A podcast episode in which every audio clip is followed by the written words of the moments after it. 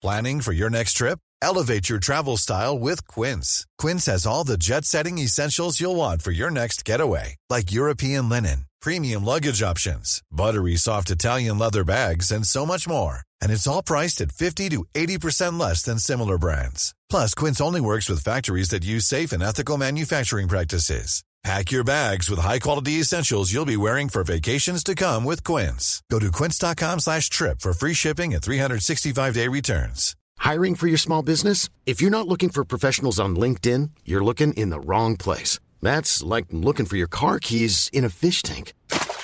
LinkedIn helps you hire professionals you can't find anywhere else, even those who aren't actively searching for a new job but might be open to the perfect role. In a given month, over 70% of LinkedIn users don't even visit other leading job sites. So start looking in the right place. With LinkedIn, you can hire professionals like a professional. Post your free job on linkedin.com slash people today. Burrow's furniture is built for the way you live. From ensuring easy assembly and disassembly to honoring highly requested new colors for their award-winning seating, they always have their customers in mind. Their modular seating is made out of durable materials to last and grow with you. And with Burrow, you always get fast, free shipping.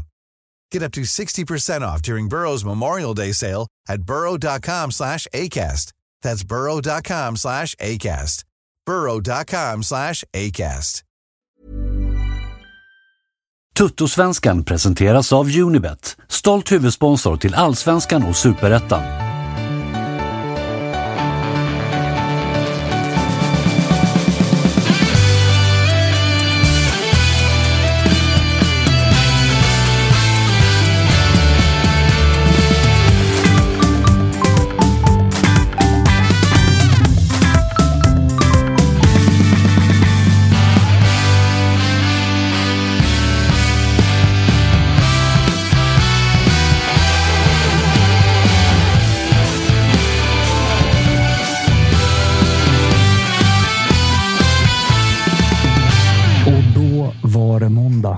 Kalle. Mm, Fin måndag är det.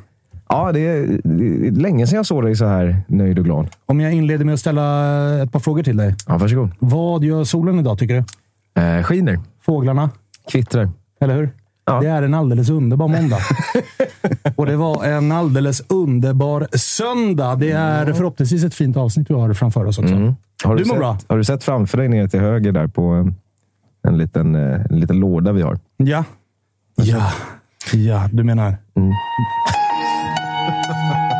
Och där tappade vi 450 lyssnare. Ja, så kan det vara. Så kan det, vara. Eh, det var en härlig söndag, i alla fall för mig. Hur var den för Josip Ladan? Både ja, po- positiv och negativ. Framförallt går vi ju rent. Det Ni fortsätter på eran fortsätter gå rent. Mm. Det är inga problem. Eh, och sen så har jag ju eh, vevat, eh, framförallt söndag kväll, eh, Ole, ole, ole, vi älskar BK Häcken. Väldigt intensivt. Så Du att, börjar eh, hitta in en konvertering här mot slutet. Ja, men jag tänker, jag kan väl, nu ska vi prata om Olle idag också, så att jag menar, ju längre avsnittet går, så desto mer hamnar man på Hisingen va, till slut. Ja, att det är du, ju- du, du har hittat ditt lag i guldstriden. Ja, definitivt. Det, härligt. det är ju sen gammalt. Ja, Freddy. Ja. Hur mår du då? Hur mår du? Nej, Man hade sett fram emot sig ett annat typ av måndagsavsnitt, ska vi, kan vi lugnt säga. Det är inte alltid bra att tacka ja till avsnittet innan matcherna spelats. Nej, men det brukar inte vara något problem när vi spelar på vår eh, kära hemmaborg. Där eh, odjuret saknades igår, kan man säga. Framförallt Så det, det var tunga steg in idag, men eh, jobbet måste göras. Bröstet fortfarande utåt och tankarna går fortfarande åt att eh, det här kommer vi lösa alldeles utmärkt ändå. Vi får väl se, säger jag. Eh, Jag är glad att hälsa välkommen till Toto-svenskan för första gången, Niklas Jarelind. Ja, eh, tack. Kul att du är här. Du gjorde Djurgården-Häcken igår. Det gjorde jag. Jävla match. Det var en, eh, en bra fotbollsmatch. Hur eh, Gjorde du fler matcher i helgen? Nej, det är för en gångs skull bara en match den här helgen. Brukar det ofta vara bara en? Det är oftast två, nästan alltid. Ah, och okej. med något undantagsfall en och ytterligare undantagsfall tre som Oj, kommande helg. oj, oj. Men ikväll är du ledig. Då ska du få njuta av matcherna i eh, soffan. Ja, svårt val här. Norrköping-Mjällby eller eh, Hammarbys guldjakt. Nej, det är inte så svårt. Nej, det blir ju faktiskt Bajens eh, guldjakt. Eh, hörni, vi ska eh, såklart gå igenom ett par av matcherna. Jag vet att det är många av våra tittare och lyssnare som hade sett fram emot eh, åtminstone en av två BB-poddproducenter.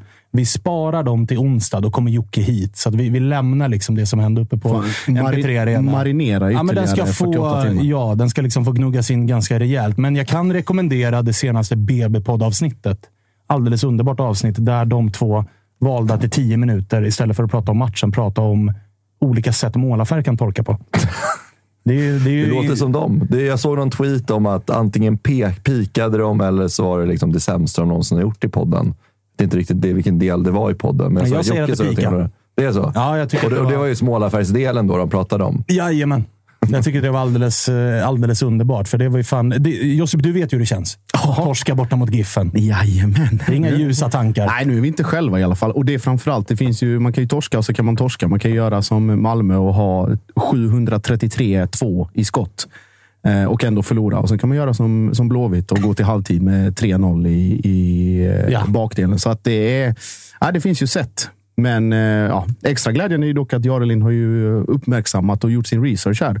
Precis som man brukar göra med jobbet. Det är keps, det är luvtröja, det är hela... så att, Klädkoden sitter än den så sitter, länge. så det är starkt, stark start. det är bara... Men Freddy är ju också djurgårdare. Där ska ju frillan vara liksom oklanderlig. Ja, som den ju hu alltid är. huvudbonad är strikt förbjuden där borta på... Sitter man i skjorta idag också? Uppknäppt ja, exakt. I vanlig-. Bjuder på lite brösthår här idag. Nej, det är, inte, det är inte ett hårstrå som sitter fel i... på Någonstans. Den. Inte nej, någonstans. Nej, verkligen inte. Eh, hörni, ska vi börja och prata lite grann om eh, Malmö-Värnet?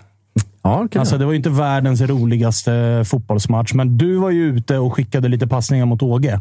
Alltså just gällande Seidans vara eller icke vara. Ja. Och det är ju statistik som sannoliken sticker ut. Att när Malmö, Malmö är ett lag offensivt med Zidane på plan och Malmö Mm. är ett lag utan Zidane på plan. Berätta, de som inte såg den tweeten, ge oss eh, statistiken. Ja, det är ju Malmö, sist Malmö gjorde mål eh, med Zeidan eh, utanför planen. Eller på plan. Skitsamma. Sist de gjorde mål mm, i den här centrala rollen Eh, så var det ju borta mot Sivaspor när Tellin Thelin gör 2-0 i 90 minuten. Och sen efter det har Malmö haft fruktansvärt svårt att göra mål med Zeidan eh, utanför banan.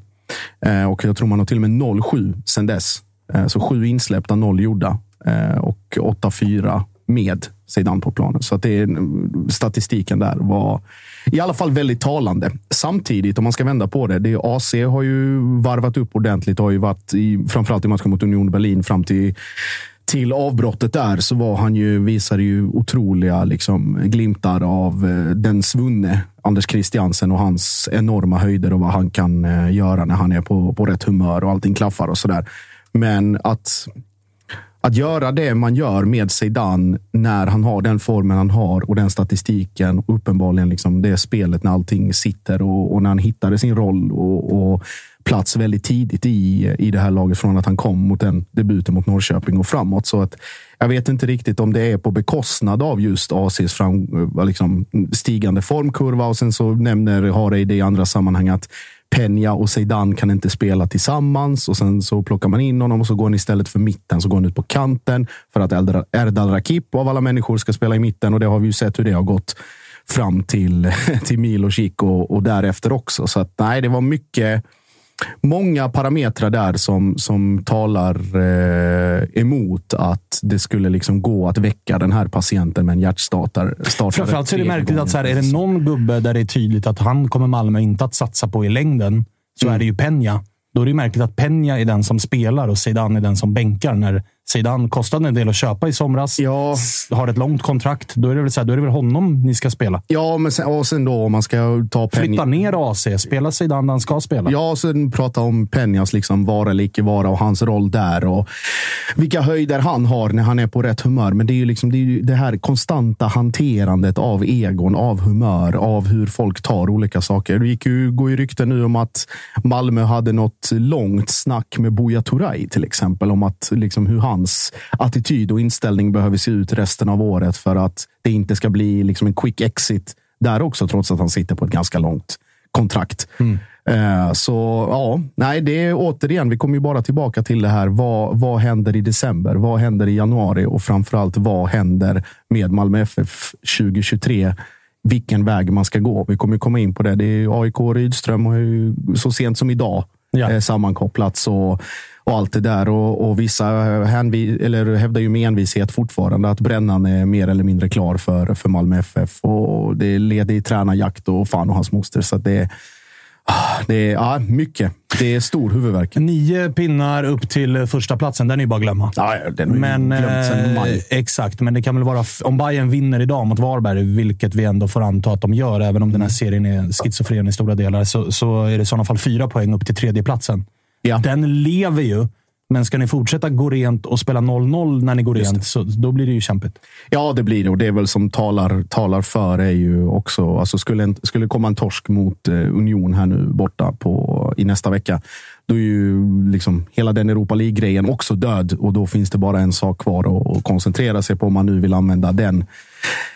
Eller det argumentet. Eh, och sen samtidigt så är det ju de matcherna som är kvar. Det är ju matcher av jävligt stor dignitet och framförallt då när man möter både ettan och tvåan. Eh, tvåan hemma, ettan borta. Eh, Och det som är negativt för er är ju ändå att alltså, ni har ju Blåvitt borta som ändå är så här, Blåvitt är inte världens bästa lag just nu, men det är ändå en stor match. Vi vet att de här Ja. matcherna lever lite grann sitt eget liv. Det kvittar Ja. vart i tabellen när man är och hela den grejen. Men ni De har ju gjorde ändå Häcken. två borta mot Sundsvall.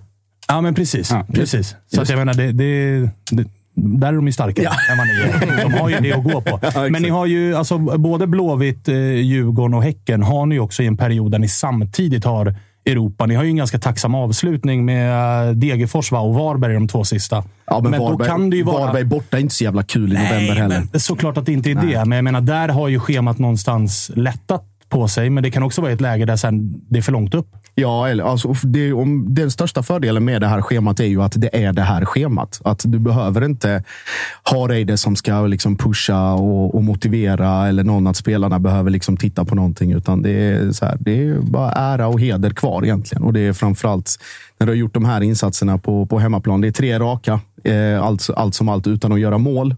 Eh, 0-0 mot Värnamo, det är ju under all kritik. Trots att Värnamo är en av de bättre eh, nykomlingarna också, rent spelmässigt och Men ni har ju tabellmässigt. dubbla 0-0 mot dem va? Dubbla 0-0. Så att uppenbarligen så har ju Hel fir- firma Hellberg och Tern hittat någonting där hur man ska stänga ner. Det var ju ren tur igår, sista, sista 15, att Magashi inte får iväg eh, eller får in den bollen eh, i nätet. Ismo återigen med en jävla monsterräddning. Så Nej, eh, det ska inte behövas extra, extra push och kraft för att eh, hitta någon form av liksom inre styrka för Djurgården he- hemma och Häcken borta och Blåvitt borta. Det ska, det ska komma lite av sig själv. Men Josip, du, Mm. du nämner ju eh, Union borta här. Djurgården har ju ändå valt ett spår där vi någonstans spelar våra bästa spelare varje match nu, ut, in och ut. Eh, hur har ni valt att spela för de som inte följer Malmö så mycket? Att, så här, har ni, satsar ni mycket på Europa League? Spelar ni era bästa spelare? För nu är det ändå här med Thelin är på bänken, Zeidan är på bänken. Är det, en, Ja. är det rotation som kommer från Europa då, eller är det bara att man vill testa runt lite? För det känner jag också att ni har inte spelat så många matcher, två matcher i rad, nästan ställt upp med samma uppställning, utan ni liksom roterar extremt mycket Ja, ja, spelare också. Ja, och det är väl kanske en indikator på att allting inte heller står rätt till. Att du vet inte hur formen pendlar från en dag till en annan, eller belastningen, eller hur någon känner sig, eller hur träningen har sett ut. Eller, alltså alla de här sakerna. Och nu vad är det Bojas första liksom, start på år och dagar och Tellin hoppar in och gör ett liksom, inhopp som är ja, bedrövligt egentligen. Och det är efter det trippelbytet som kommer där och man tänker att kommer en forcering, då är egentligen Malmö sämre. Och Värnamo har ju alla chanser i världen att göra både ett och två mål. Så det är, det är ett litet letande och hattande och fram och tillbaka. Och det är väl någonstans symptomatiskt för hur eh, hela säsongen har sett ut. Och som sagt, jag tror att det hade varit lite annorlunda om man hade vunnit mot Union. Nu blev det ju som det blev med avbrottet Ja. och liksom hur det såg ut dessförinnan och därefter. Eh, och att eh, vad var det? belgarna gick och vände på övertid mot Braga där. Så att det är ju liksom 9-6-3-0 i den gruppen. Så att ingenting är ju över. Men det är liksom... Brant uppförsbacke. Ja, exakt. Och det finns viktigare saker. Hur, var, hur var reaktionerna på slutvissla? Jag följde Ja, det var, jag, det var burop. Som, rejäla grejer. Eller? ja, det är väl mer... eller var det lite uppgivna burop? Ja, mer åt det hållet. Det har ju varit liksom frustrerade burop och, och hela den grejen, men nu var det mest bara uppgivet att vad fan, Det var, igen. det var ett sånt här vi buar för att vi måste bua. Egentligen är vi mer trötta på det här än vad vi är arga på det här. Så att vi buar för att. Det har nog gått till det stadiet, ja. Mer och så. Niklas, vad eh, tänker du på när du tänker på Malmös säsong? Eh, jag tänker att det här har ju alla pratat om hur många gånger som helst på alla möjliga andra ställen, men tränarbytet var ju prematurt eh, kan man tycka. Jag tror att det hade inte blivit sämre än vad det är nu om Milos hade fått stanna kvar. Det hade kanske inte blivit jättemycket bättre. Det blir ju en spekulation, men jag tror inte det hade blivit sämre i alla fall. Och någonstans där så ligger ju ett det är ett misslyckande med alla pengar de har och alla förutsättningar att de ska behöva byta tränare i tid och otid. Att man inte har satt sig i en situation där man vet mer att den här killen ska vi ha. Och även om det tar emot lite i början och det var ju eh, aldrig skådad mängd skador. Det kan också diskuteras varför, träningsupplägg och så vidare, eller oflytt. Men så dåligt var det ju inte. Um, och som det verkar på spelartruppen så gillade ju folk ändå tränaren och eh, människan Milos. Så då blir det ännu konstigare om man nu inte har tappat omklädningsrummet som det, som det heter. Som det kan vara på andra ställen. Ja. Eh, Vad det rapporteras om. Eh, Men också precis. märkligt att en klubb som Malmö ju uppenbarligen inte verkade ha någon tydlig plan B. För att det gick ganska Ja, lång tid den- innan Georgsson... Ja, men om inte den ganska tydliga plan B var Georgsson. Ja, det kanske Eh, det var. faktiskt. Eh, som ju många spekulerar i att det var. Så det visade sig att det höll inte. Och med Hareide får man ju det man får, alltså energi och man får med sig supportrarna från början med det beslutet. Det är lite populistiskt, men säkert också ett ganska bra beslut. Men sen är det ju märkligt att de inte är bättre och det är lite märkligt att eh, Hareide går in och är så tydlig med att han spelar med dem som var i klubben när han var där senast. Att han säger en sån sak bara Ja. och så hamnar Seidan utanför till exempel. Jag kollade för någon omgång sedan när jag gjorde Malmö. Då var ju Seidan i Sirius var ju näst bäst i allsvenskan på att skapa målchanser åt andra och Seidan i Malmö var bäst i allsvenskan på att skapa målchanser åt andra. Och sen sitter han på bänken. Det mm, kan man inte ha en sån kille på bänken såklart. Nej, det, det håller inte. Men sen tror jag också att det ligger någonting i det Josip är inne på. Att det som har rapporterats från Malmöhåll, inte liksom lite mer mellan raderna, är ju att det är ja, men ganska stora egon. Alltså som, som det blir grinigt och det blir eh, minigrupperingar och sånt. Vilket kan ju vara en anledning till att så, ja, vi måste nog ge Penja den här starten. För börjar han liksom lacka ur och sprida dålig stämning. det har Alltså, du vet, för sig. ja, men Men ja, precis, jag då blir det fattar. så här, okej, vi måste hitta någon form av harmoni här. Vi har för många spelare som ser sig själva som att inte jag är i startelvan så kommer jag gå emot tränaren. Vilket gör att man är så här, Och det är ganska- det är lättare att säga till Zeidan att så här, din tid kommer. Mm. Det är svårare att göra det till Peña. Vilket gör att tränaren kanske hamnar i en position där det är så här, ah, fan, jag måste spela Peña nu. Men det är också ganska enkelt för en spel, alltså spelargrupper eller trupper och framförallt i storklubbar är som blodhundar. Alltså de känner ju så fort minsta lilla liksom, det är någonting som, som inte stämmer på högre ort. Och då pushar man ju för det kanske. Och än om du har någon som har kontroll på omklädningsrummet. Att det finns någon tydlighet, någon liksom fram och tillbaka. Vad fan, Malmö går in i den här säsongen och rekryterar Hammarbys före detta tränare och avslutar säsongen med en norsk fiskande pensionär. Ja. Och you tell me var, liksom, var det har gått snett någonstans. Om det är, och sen då har de ju tre olika röster som de ska lyssna på inom loppet av åtta månader och så ska du ut i Europa och härja och någon kommer in på sommaren. Alltså Buya Turay, Lomotey, alla som har Sibi kommer in på sommaren och tänker liksom standardmässigt att okej, det här är ett lag som ska vara i bra form, som ska vara liksom med i topp tre i allsvenskan inför sommaruppehållet. Man ska ha en god chans i Europa, bra stämning. De kommer in till liksom, som den här scenen från eh, vad heter det, Community. När han har varit ute och hämtat pizza och det brinner här och brinner där och fram och tillbaka hit och dit. Och det, det är ju fan inte heller det lättaste att liksom landa rätt i den och sen ska det klaffa och sen ska du plötsligt börja prestera på planen. Det är inte, alltså, Turay med allt vad det innebär. Lomotey som fortfarande, vad fan har han gjort? En cupmatch. Och Ja, hela och den är grejen. också- Sibi med sin skada och, och, och allting ru- runt omkring. Att det är så mycket som har varit liksom både här och där gör ju att det sprider sig en oro. Det sprider sig liksom i slutändan kaos. Och det syns på planen för att det blir liksom, de hamnar inte rätt med alla de grejerna runt omkring. Så, ja. Och värvningarna utav eh, Lomotey och Buya Turay. Nu är det visserligen, jag har ju manat till liksom tålamod vad gäller den typen av värvningar, men Lomotey har ju knappt fått spela överhuvudtaget. Mm. Buya Turay spelade nu, men det var väl ingen superinsats ifrån Nej, och, ifrån jag, honom. och det är väl lite Lex Gudetti där. Liksom alla, alla mål han gör nu är väl lite en bonus, eller alla poäng. Och jag tyckte han gjorde en av sina bättre matcher igår faktiskt och, och var liksom, bidrog i anfallsspelet och hittade med finurliga passningar och bollar och var liksom kreativ. Men det är väl lite mer nästa säsong. Då ska det, då ska det vara på riktigt och få Ja. försäsong och kontinuitet och, och bla bla bla. Men Lomotey, jag vet inte. Det sägs i ett pressmeddelande att det var en värvning som vi har haft på ögonen länge och äntligen kunde vi agera och sen har han inte gjort det en minut. Sen om det är match, alltså, dålig form, svag matchträning, fan och hans moster, ingen vet. Men Någonting. Ja, kommer ju typ från och sen, och försäsong. då, och då, vara redo. exakt, och då pratar, vi ändå, då pratar vi ändå bara om A-truppen. Det finns alltså en hel drös spelare. Jag tror det är fan upp mot 15 stycken som är utlånade. Och sen så har du Olympic och hela den verksamheten där nere. Så ska du gallra, ska liksom Mesut Meral sitta och gallra vem som ska upp och vem som ska ner, stackarn. Och sen så eh, då, tränaren i, i Olympic. Och, ska, och han får sina instruktioner om vad Olympic ska vara, om de ska utmana om att gå upp en division eller vad han ska göra med den truppen. Och får spelare serverade från MFF som ska vara där och bidra. Och de är ju också så här, vad fan ska jag ner till Olympic nu? Eller, åh vad nice, nu får jag äntligen spela. Alltså, så att det är hundra grejer. Och då, kolla nu, bara eh, ödets ironi med Nanasi. Går in och avgör Ja. där borta och sen så tänker du till nästa år. Okej, Nanasi på utlån, nice. Och så du, får du tillbaka Eile och då har du, kan du ha ett centralt mittfält med Patriot Seidio, Mustafa Zeidan och Sebastian Nanasi. Och så får du upp lite, lite glädje. Och sen tänker du, fan, det är ju långt dit. Liksom. Så, ja. Tror du att det blir brännan eller? Alltså är det brännan som ska in och lösa det här? till många stora besvikelse och till stora ilska eh, så tror jag faktiskt att han hade gjort det jävligt bra med tanke på vad han är för typ av karaktär.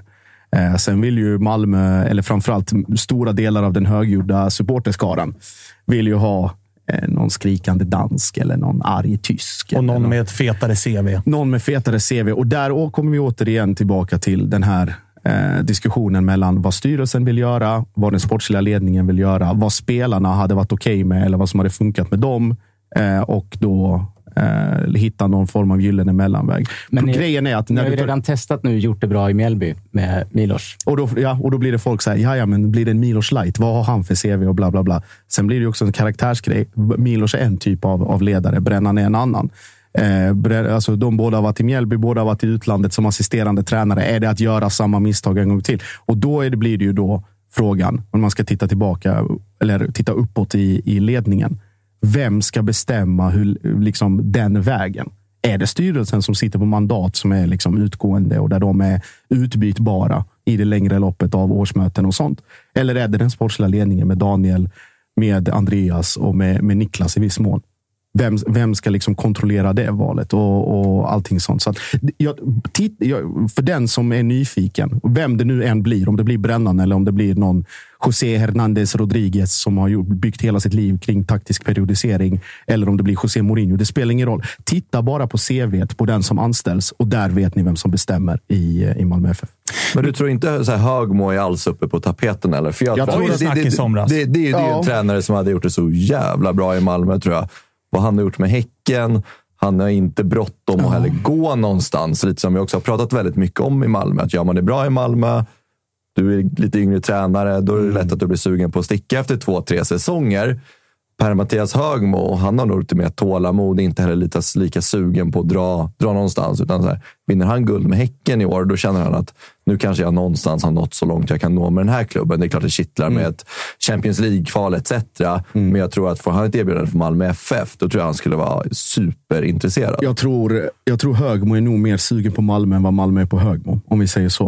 Eh, det finns nog någonting där som, som hindrar. Dessutom, för den som är, som är lite konspiratoriskt lagd eller den som vill veta eller vem som egentligen bestämmer i Häcken. Och den är så här, vi pratar ju framförallt i min och Niklas bransch att så här, hemligheterna bakom, om det är någon fystränare i Djurgården till exempel, eller om det är någon mental coach i något annat.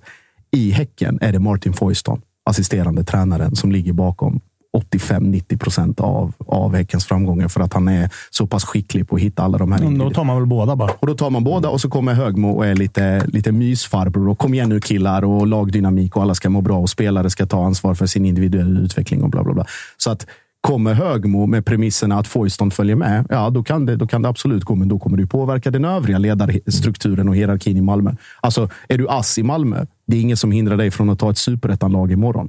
Lite som det var med... alltså- var, det, var det Poja som hade Ferran? Ja, exakt. Där alla var så här, det var typ en sanning att så här, det är Ferran som är geniet här. Ja. Poja är huvudtränare, men det är Ferran Sibila som är the shit. Ja, alltså, Vad gör om- han om, idag? om, för han är utvecklingsansvarig i Malmö FF. Just det, han, ni har ju redan den gubben. Han ansvarar för alla våra utlånade spelare. ja, han har att göra han också. Kan man lugnt säga. Eh, Niklas, vad, vad säger du? Brännan till Malmö? Lät inte helt övertygad här till, eh, till Josip att det är lite samma som Milos. Nej, alltså så, så mycket man har vridit och vänt på Rydström och Brännström till alla storklubbar egentligen, eh, inte alla naturligtvis, eh, Djurgården sitter väl ganska trygga med sin tränarduo, men eh, jag tycker att det vore bra, för Brännström är uppenbarligen skicklig eh, och Malmö kanske inte ska ha någon som står och gapar och skriker bara för att. Å andra sidan, det är lite det som har funkat. Rössler och Jon Dahl, Tomasson. Det, det är då, spelet har inte alltid varit bländande och lysande, men det har ju funkat resultatmässigt. Funkar Brännström i föreningen Malmö FF verkligen med den personligheten? Jag hoppas ju det. Jag gillar ju snälla människor överlag, så att, eh, jag hoppas att det skulle vara bra, men jag vet inte. Jag, jag gillar ju också Brännan. Jag älskar honom. Men det jag tror också är en aspekt, det är det vi har pratat om tidigare med vilka karaktärer Malmö har. Vilken grupp kommer ja, han få och ta över? vad, vad kommer de ha för respekt för en tränare som Brännström som är lite snällare, lite mer liksom man to man. Uppenbarligen, som du är inne på Niklas, har ju Malmö med den truppen som de har byggt och som de har jobbat. De har jobbat lite liknande ju genom de senaste fem sex åren. Kommer Brännström kunna hantera den typen av grupp? Han är inte riktigt samma karaktär som Rydström är. Rydström tror jag har lättare att liksom näven i bordet och det är jag som bestämmer här. Jag vet inte hur Brännan är. Jag tror att där finns det nog nävar. Det är mer bara att man överanvänder dem inte. Att det är liksom Ja, så så det vid rätt vara. tillfälle så, Så så kommer det så. Sen, är ju, sen blir det intressant. Vi pratade innan här om, eh, om AIK. Tror du eh, AIKs otroligt eh, starka spelargrupp är skitsugen på fyra till fem timmar videoanalys om dagen? Nej. Med videoteori med Nej. Henrik Rydström. Men får han, får han dem med på tåget så exakt. Det är ju, Ja, det är ju den. Och det är Liksom. ju, det är ju exakt samma sak där. Vilken grupp kommer han ta över och hur sätter han sin prägel? Bland, liksom, hur förankrar han sin syn på, på liksom styre och träningar och hela den grejen i den gruppen han får ta över? Och Det gäller både Rydström och, eh, och Bränna. Men vi får se. Ja, det ska bli eh, jävligt intressant i alla fall att se. För att vi har ju haft, eh, alltså Malmö och AIK har uppenbarligen jagat nya tränare och kommer göra det. Men det som är skillnaden mellan de två, enligt mig i alla fall, är att i AIK har alla typ varit rörande överens om så här, här ligger problemet. Medan i Malmö känns det ju som att man fortfarande letar efter vart är egentligen problemet? Är värvningarna för dåliga? Är truppen mätt? Är de diver? Lyssnar de inte på sin tränare? Man vet ju typ inte vad kärnan till problemet är. Varför kärn- Malmö inte levererar. Kärnan till problemet är att ingen vet vem som bestämmer. Nej, det kanske är det. Ingen vet Det vem som är det. bestämmer. That's it. Det kanske är det. Eh, vi släpper den där eh, deppiga 0-0-matchen och och Malmö FF. Då. Det var Eh, en och- bra 0-0-match. Ja, för det, det, det får man faktiskt lov att tillstå. Eh, matchen på Tele2 då, seriefinalen. Den mellan Djurgården och Häcken. Djurgården som ju kom med ett jävla självförtroende efter den där segern borta i Belgien.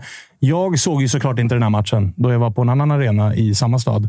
Freddy, du var ju på plats. Mm. Man, eh, man gick ju dit med lätta steg i och med eh, vårt, vårt jättefina hemmafacit. Och att vi också börjat spela bra inför storpublik. Den här 20 000 plus-spöket spökar ju inte längre, så det är väldigt skönt. Men eh, sen så drar ju matchen igång och man inser ganska snabbt att helvete vad bra Häcken är. Det är nog det bästa laget jag har sett på väldigt länge på, på Tele2 Arena. Eh, de eh, neutraliserade vårt mittfält rätt rejält. Vi hade inte mycket att sätta emot alls i, i första halvlek och vi har ju ändå haft tendenser där vi har kunnat vända underlägen underläge den här säsongen. Men när Häcken gör 1-0 så känner man ganska snabbt att det här kommer inte vara lätt. Det kommer inte vara lätt att göra 1-1 och det kommer framförallt inte vara superlätt att vända den här matchen. Vi har ändå vänt en 7-8 matcher i år från, från underläge till vinst. Eh, senast mot Molde. Eh, men det, här var liksom en match man kände ganska direkt att det här kommer inte bli lätt. Eh, vi kommer ha stora problem och vi förde inte alls spelet i andra. Sen så tycker jag man ganska tydligt märker i halvtid att Kim och Tolle gör, gör vissa förändringar. Jag vet inte om det är Häcken som kanske spelar mer på resultat, men jag tycker Djurgården kommer ut och gör en väldigt, väldigt fin andra halvlek. Lite att man, eh, man, man var lite förvånad, för jag trodde inte att vi skulle kunna liksom, med några taktiska verktyg liksom, kunna förändra matchbilden alls. Eh, sen tycker jag att andra halvlek så äger vi ju nästan eh, hela matchen. Eller ja, de 45 minuterna. Men jag vet inte, den, den liksom turen, de där millimetrarna vi haft på vår sida tidigare i säsongen var, var emot oss igår. Och, så här, det, det, var inte, det var inte värre än så. Vi förlorade mot ett, eh, mot ett bättre lag igår faktiskt. Eh, jag tycker extremt imponerad av vad Per-Mattias Högmo har lyckats göra med, med Häcken och sen eh, bröderna Gustavsson på mittfältet var ju helt outstanding igår. Så att, det är bara hatten av till en kanoninsats från Häcken. Jag är mäkta imponerad faktiskt. Alla stor förlorare nu, Fred. Han, ja, det han har ju tränat en hel jävla säsong på att kunna ha den här liksom humble-attityden när, det väl, när det väl kommer för att återigen vinna sympatipoäng. Ja, ja, han är ju tittarna och lyssnarnas favorit. Av en Så är det, anledning. så är Av en det. anledning. Så är det. Eh, Niklas, delar du Freddys bild av matchen? Eh, ja, eh, absolut. Och jag tycker att det är Djurgården som är riktigt, riktigt bra i andra halvlek. Eh, mer än att det är Häcken som backar hem och slår vakt om någonting. Utan de förmår inte göra mer än, än vad de faktiskt gör i andra. är min bild av det. Jag tyckte det var intressant att Högmo sa precis innan avspark i vår sändning att vi väntar oss att Djurgården kommer komma ut starkt, sätta press på oss, trycka ner oss och då kommer vi kunna eh, straffa dem. Man var beredd på att fortsättningen på den meningen skulle vara så det gäller för oss att hålla tätt första kvarten, som det brukar hålla, Ja. heta. Men han sa och då gäller det för oss att, att sätta dit dem. 20 sekunder, sen är det ju nästan öppet mål för Häcken. Det tar ju inte mer tid än så för dem att spela in och runt och komma till första målchansen. Och så friläge lite senare för Larsen som ju sen är den som gör målet också. Så där är ju Häcken bra, det visste vi. Men det är ju imponerande tycker jag, att de tar matchen på det sättet borta mot Djurgården med ett poängtapp hittills i år på hemmaplan och med enormt självförtroende och bra form såklart. Sen apropå tätt matchande, Djurgården ehm, Häcken pallar inte i andra halvlek. Djurgården är mycket bättre. Men sista, den här slutforceringen från Djurgården, där man ju såklart får hjälp av publiken och trycker ner Häcken. Men det blir inte de där riktigt, riktigt, riktigt... Man spelar sig inte fram till chanserna. Där tror jag att det märks att det är lite trött ändå. Inte benen, men det är många trötta skallar ett tag i Djurgården där. Det är några märkliga passningar och beslut sista fem plus tillägg som ja, men lite så här, lycka till-bollar eller varför vänder du ut på kanten där borta? Det var ju ingen fri där. Och där kan man ifrågasätta ett par saker och det tror jag är en trötthet efter tätt matchande mer än någonting annat. Och det tyckte jag också var egentligen genom hela matchen. Att det var så här, Djurgården brukar inte vara särskilt slarviga. Brukar leta de lite mer enkla passningarna. Eh, om vi ska göra de mer avancerade passningarna, om vi ska slå liksom snett över planen eller någonting, så brukar de ofta sitta. Men det var liksom de, de enklaste grejerna satt inte ens igår. Och det var extremt mycket slarv och framförallt i slutet. Men jag tycker också att det var så matchen igenom. Och jag vet inte om det var att man skulle liksom spela för avancerat. Man hade Gent i bakhuvudet som var ett extremt bra fotbollslag de också. Att man tänker att vi kanske måste spela snabbare än vad vi kanske behöver göra när vi möter Häcken som ändå jag skulle våga påstå är någon nivå lägre än, än, än vad Gent är. Att man, liksom, jag menar, att man, man, man skulle spela lite för avancerat och egentligen så här, gå tillbaka till grunderna så som ni har spelat i säsongen. Men att man gjorde det lite för svårt för sig igår också. Och det tyckte jag också märktes extremt mycket sista tio minuterna som du också är inne på. Att eh, det, var, eh, det var inte mycket som satt igår, men det är också det är tillfälligheter. Liksom. Vissa, ganska många matcher i år har vi fått de där millimetrarna och centimetrarna med oss och igår var de inte alls med oss. Och det är naturligt att de matcherna kommer också. Hur mycket påverkas man av eh, skadorna som kommer på Findell och på, på Schüller? Findell befarad hjärnskakning. Jag har inte hört något mer idag. Schüller med någon form av bristning och det kan ju ta sin, sin tid. Jag tycker att Banda kommer in och gör det otroligt bra. Jag tror det är Banda som blir utbytt mot Uh, vi ser Findell han blir utbytt. Ja, och sen Sabovic mot, uh, mot Rasmus. Jag tycker Banda kommer in och gör... Han, han har gjort jättemånga fina insatser i Djurgården. Brukar ju vara bra när han kommer in. Ja, men jag tycker han kom in igår och verkligen var en stor del till uh, scenförändringen som vi kunde se i andra halvlek för Djurgården. Eh, och sen så statistiskt, om vi kollar på den här säsongen, de matcherna Rasmus inte är med, det är också då vi tenderar att tappa poäng och förlora matcher. Och nu hade vi fortfarande släppt in 1-0 målet när han var på plan. Jag tror han utgick någon gång i kan det ha varit 65 minuten, 60-65 däromkring. Eh, Någonting sånt, det är min känsla.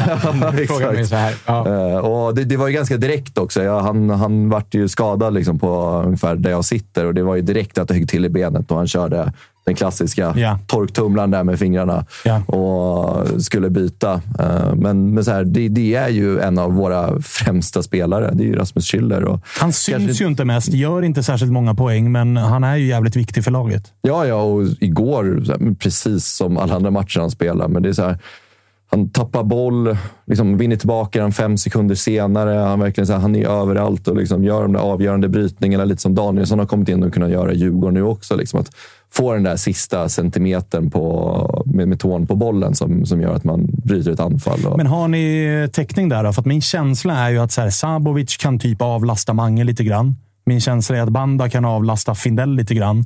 Jag ser inte riktigt den tydliga, liksom, vem och hur ersätter man Rasmus Schüller? Den spelartypen i den rollen som verkligen är ja, men så här, den tydliga balansspelaren. Inte box till box, inte spelfördelaren, utan snarare bara ankaret där på mittfältet. Elias Andersson, vansinnigt bra i Mjällby i fjol i precis den Ja. rollen. Mm.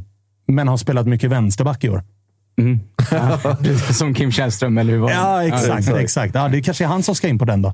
Ja, men jag tycker Elias är ett jättebra alternativ. Sen tycker jag också att Sabovic är kompetent nog att, att ha den rollen. Sen tycker jag att han har tappat lite, inte i kvalitet, men att han har inte riktigt varit... För jag, jag tyckte han var jätte, såg jättefin ut hans första matcher i Djurgården i år, eh, när han kom i somras. Eh, sen så nu har han eh, inte alls eh, varit på den nivån han har varit på innan. Det är lite slarviga bort bolltapp och det är kanske de där passningarna som inte sitter. Bara, det blir bara lite slarvigt. Det saknar lite skärpa där på honom. Och jag, eh, nu, jag, jag är lite orolig för honom. Jag hoppas att han hittar tillbaka till det. För Jag tyckte att det såg extremt lovande ut i början, men de senaste matcherna tycker jag inte riktigt att det har suttit. Och eh, min naturliga ersättare för Schiller hade varit Sabovic, för han har ändå lirat lite där tidigare i Djurgården.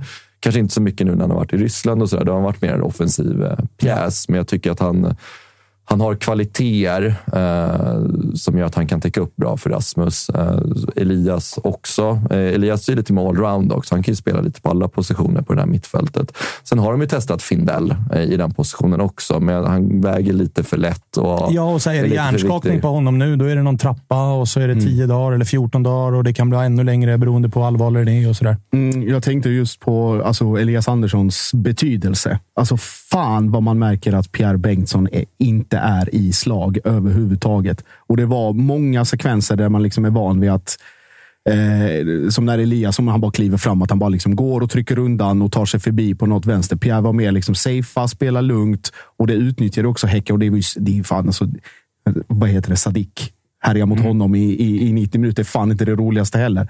Men det hade nog varit, eller Djurgården hade i alla fall fått det andningshålet, kanske lite grann i, eh, i kontringsspelet genom att ha Elias där istället för, eh, för Pierre. Men samtidigt, det man gör utifrån sina förutsättningar. Men att han, är, att han oväntat går in och är den, behöver bli den viktiga vänsterbacken för, för Djurgården. Det säger också, säger också lite del om, eller en hel del om vilken kvalitet som finns eh, hos just honom. Och sen har ju Pierre har ju kämpat med, eh, med, med formen under säsongen och som vi varit inne på också. Började jättefint Svenska cupen.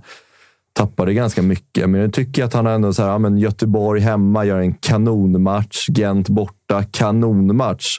Så jag tycker att man, man ser tendenser att han är liksom på gång och liksom blir den spelaren som han var i Svenska cupen. Sen Svenska cupen är ju inte alls var det här är, vad vi är just nu i, i, liksom, i, i svensk fotboll, eh, slutskedet. Men jag tycker att han har gjort det jättebra mot Göteborg. Verkligen kommit tillbaka och revanscherat sig.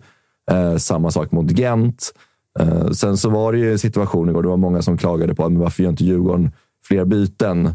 Vi hade ju gjort tre byten vid tre olika tillfällen, så vi kunde ju inte göra fler byten under matchen igår heller. Så att det är väl också svaret på, för jag hade gärna sett Elias komma in sista 20 och bli utbytt mot Pierre. Eh, För jag tror att han hade verkligen kunnat trycka på. Det såg vi också mot Molde. Hans avgörande inlägg där som gör att vi vinner matchen med 3-2. Mm. Och istället så det står han på läktaren i skinnjacka liksom, bredvid. eh, bredvid. Ja, just det. Just det. Han var ju fan borta igår. Ja, exakt. Hörrni, vi, ska, vi ska ta lite Häcken-perspektiv på det här också. Vi ska ringa upp eh, Olle Trens och kolla vad han säger. Han var ju på plats igår på bortasektionen och jag gissar att han är lite missnöjd. Han sa ju i förra avsnittet att han tycker att det är bättre att Häcken får jaga. Nu är det Häcken som är det jagarlaget. Vi får väl eh, se vad han säger.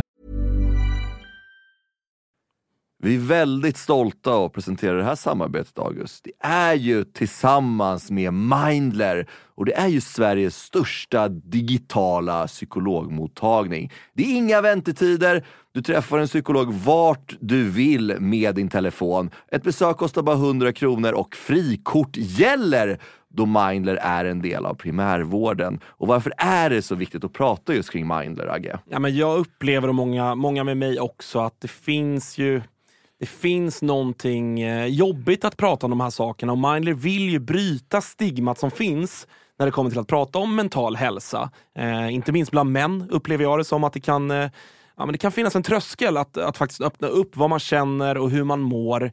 Och därför tycker jag att det är väldigt glädjande att på senare tid så är det ju många idrottsmän och kvinnor, några i allsvenskan, som har öppnat upp och pratat om eh, sin psykiska hälsa på ett väldigt fint sätt, vilket jag tror eh, man kan vara med och bidra till att bryta det här stigmat. Verkligen, och du hade ju en intressant gäst i er podd för någon vecka sedan. Det var AIKs psykolog med. Lyfta ja, någonting exakt. kring det här. Ja, men det var intressant. Eh, Jon Hasselqvist heter han och eh, det var ett eh, väldigt intressant samtal där vi, där vi kom in på hur mycket det mentala spelar in i form av prestation, men också hur viktigt det är att man som människa ska må bra för att prestera. Och Det går ju att applicera såklart på fotbollsspelare, men också på sådana som du och jag, alltså vanliga människor i sin vardag.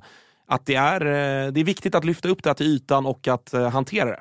Verkligen, och känner ni att ni vill ha någon att prata med så finns ju Mindler där för er. Och det som är så himla bra är att du väljer själv vilken psykolog du vill prata med och du kan byta om du känner att ni inte riktigt klickar. Och Mindler finns ju för alla som är plus 18 år. Så gå in på mindler.se och läs lite mer och boka din tid hos en psykolog redan nu om ni känner att ni behöver liksom hjälp kring det här ämnet. Stort tack till Mindler. Vi är glada att Tuttosvenskan görs med våra vänner på HelloFresh. Och många där ute, inklusive oss, börjar kika på att använda mer växtbaserade och hållbara ingredienser när det kommer till just matlagning. Och nu har våra vänner på HelloFresh via sitt nya samarbete med Oatly nöjet att presentera massa nya rätter på veckomenyn med just Oatlys havrebaserade i-mat och varför i-mat, Dage? Ja, men det är väl kanske en fråga man ställer sig, men det är ju så att det är en ingrediens med 61 procent mindre eh, CO2-utsläpp och 83 procent mindre mättat fett än traditionell grädde. Så det är ett väldigt bra substitut. Ja, men och denna vecka så har vi kollat på HelloFresh hemsida och eh, botaniserat lite kring recepten som innehåller just i-mat. Och min tydliga, tydliga favorit är den soltorkad tomat rigatonin som ju har då lite soltorkade tomater, det är körsbärstomater, det är rucola, zucchini, riven ost, Ja, men ni hör, en väldig massa smaskiga grejer som blir en krämig pasta. Och just att använda rigatonin, Freddy, som jag vet att du gillar också, som just suger upp all den här såsen. Mm, den är en favorit hos mig. Verkligen, och jag gick faktiskt händelserna i förväg och testade redan förra veckan deras medelhavsinspirerade räkgryta med just i-matsåsen och sen lite, lite, lite fint långkornigt ris. Eh, och Agge, vi har ju som vanligt en kanonkod också med våra vänner på HelloFresh. Den, den, den, den hoppas jag folk kan nu. Ja, det är ju Fresh Tutto. Du får upp till 1359 kronor i rabatt på dina fem första kassar om du inte har prövat HelloFresh ännu. Plus fri frakt på den första matkassen. Och det som är så bra, har du inte använt HelloFresh på över 12 månader så gäller koden även dig. Så gå in på hellofresh.se och lägg en beställning på en riktigt fin matkasse redan nu. Testa HelloFresh, testa Oatlys i-mat. Vi säger stort tack HelloFresh. Vi är sponsrade av eh, MQ, August. Eh, Mm. Det har varit, eh, vi har gått nu hela säsongerna. Först vinter och sen så förvår när man ska ha overshirts på sig. Man kanske vill ha en liten fleece. Och nu äntligen är försommaren här. Och då kommer också Dobbers nya sommarkollektion som de kallar för Sunset Horizon Club. Den här spången är inspirerad av surfen. Just det. Det, det, det är väldigt... så här, Om, Vad har du för relation till surfen? Ja, men stor relation. Varit i Brisbane eh, ser. och eh, där är mycket vindsurfing. Sen så ner till Byron Bay där, där jag testade på vågsurfing. Och sen höll jag på att stryka med på, eller utanför Kota Beach då, när det kom en sju meters våg och tog mig. Ja. En minut och 30 sekunder senare så hittade jag upp till någon slags yta. Skrapsår överallt. Den här kollektionen är då inspirerad av eh, surfen. Det kan man se i silhuetterna. Det är väldigt trendy att eh, gå i lite mer raka silhuetter nu för tiden. Du gillar den? Ja, men jag gillar den. Eh, jag tänker att vi kan prata lite om de olika nyckelplaggen som ju finns här. Det är ju eh, knälånga shorts till exempel. Skjortor med print och lite brodyr i lite olika färger som jag tror kommer vara ett eh, stående inslag på inte bara Stockholms gator utan Sveriges gator när sommaren kommer. Eh, vi har också en hel del overshirts till de eh, lite ljumna sommarkvällarna. Sen så gillar jag en trend som har kommit som också hittar in i Dobbers eh, sommarkollektion här som är sets med både shorts och overshirt. Exakt. Kortärmad overshirt som man Mm. kan gå, gå runt i. Jag, jag gillar det. Så är det. Och även eh, linnet. Det är mycket olika typer av eh, texturer och material i den här kollektionen. Linne står sig fortsatt starkt, men det finns också en eh, he- hel del tencellskjortor och, och annat. Bomullsutmanaren Tencel. Ja. Om ni inte har testat det så kan jag rekommendera. Väldigt mjukt, luftigt, härligt. Ja, men så är det. det finns någonting för alla. Hur gör man då för att handla det här, Thomas? Jo, man går in på mq.se eller så besöker man sin närmsta MQ-butik. Eh, Där hittar man ju såklart eh, Dobbers sommarkollektion som alltså heter Sunset Horizon Club. MQ.se eller någon av butikerna. Vi säger stort tack till MQ. Vi har honom med oss i alla fall. Olle, hur är läget? Nej men hallå där! Halloj, hur är läget? Ja, det är strålande. Strålande. Jo, det är bra. Det är bra. Det förstår jag, men du, eh, jag hade, jag hade ju ett, in, ett inledande resonemang här att du kanske var lite missnöjd i och med att du sa senast att du hellre jagar än blir jagad. Ja, stressen är tillbaka nu. Nu Ja. har vi bara något att förlora. Va? Men jag, fan, jag, nu, det var ju ändå ett eh, bevis på något. Eh, att, eh, ja, men, nu- nu, nu har vi ju det här. Nu, eh, våra prestationer kan vara där de var igår och då, eh, då blir fan förtjänt att vara där vi är också. Och Då behöver man kanske inte oroa sig så mycket. Hur var... Oavsett, eh, eller ja, vi, har vi, har vi har ju svåra, svåra Sundsvall hemma Just det. eh, i kommande här. Så det, är, mm, det är väl den enda orospucken. Så. Men du, eh, hur var anspänningsnivån igår då? För att jag menar 1-0 och Djurgårdens andra halvlek där de tydligen då dominerar och trycker på. hur, hur, var, hur var nerverna? Ja, nej, men jag såg så dåligt eh, så att jag, jag, jag var lyckligt ovetande om hur bra Djurgården var i andra. Men eh, nej, vi hade god stämning. Alltså. Det, var, eh, det, det hjälper till när man får skrika och gorma lite. Det är värre att kolla på sådana matcher på tv. Det är ju fruktansvärt. Ja, det är där... Nej, det är alltid bättre att kolla på tv. Aj, det är klart att du tycker det.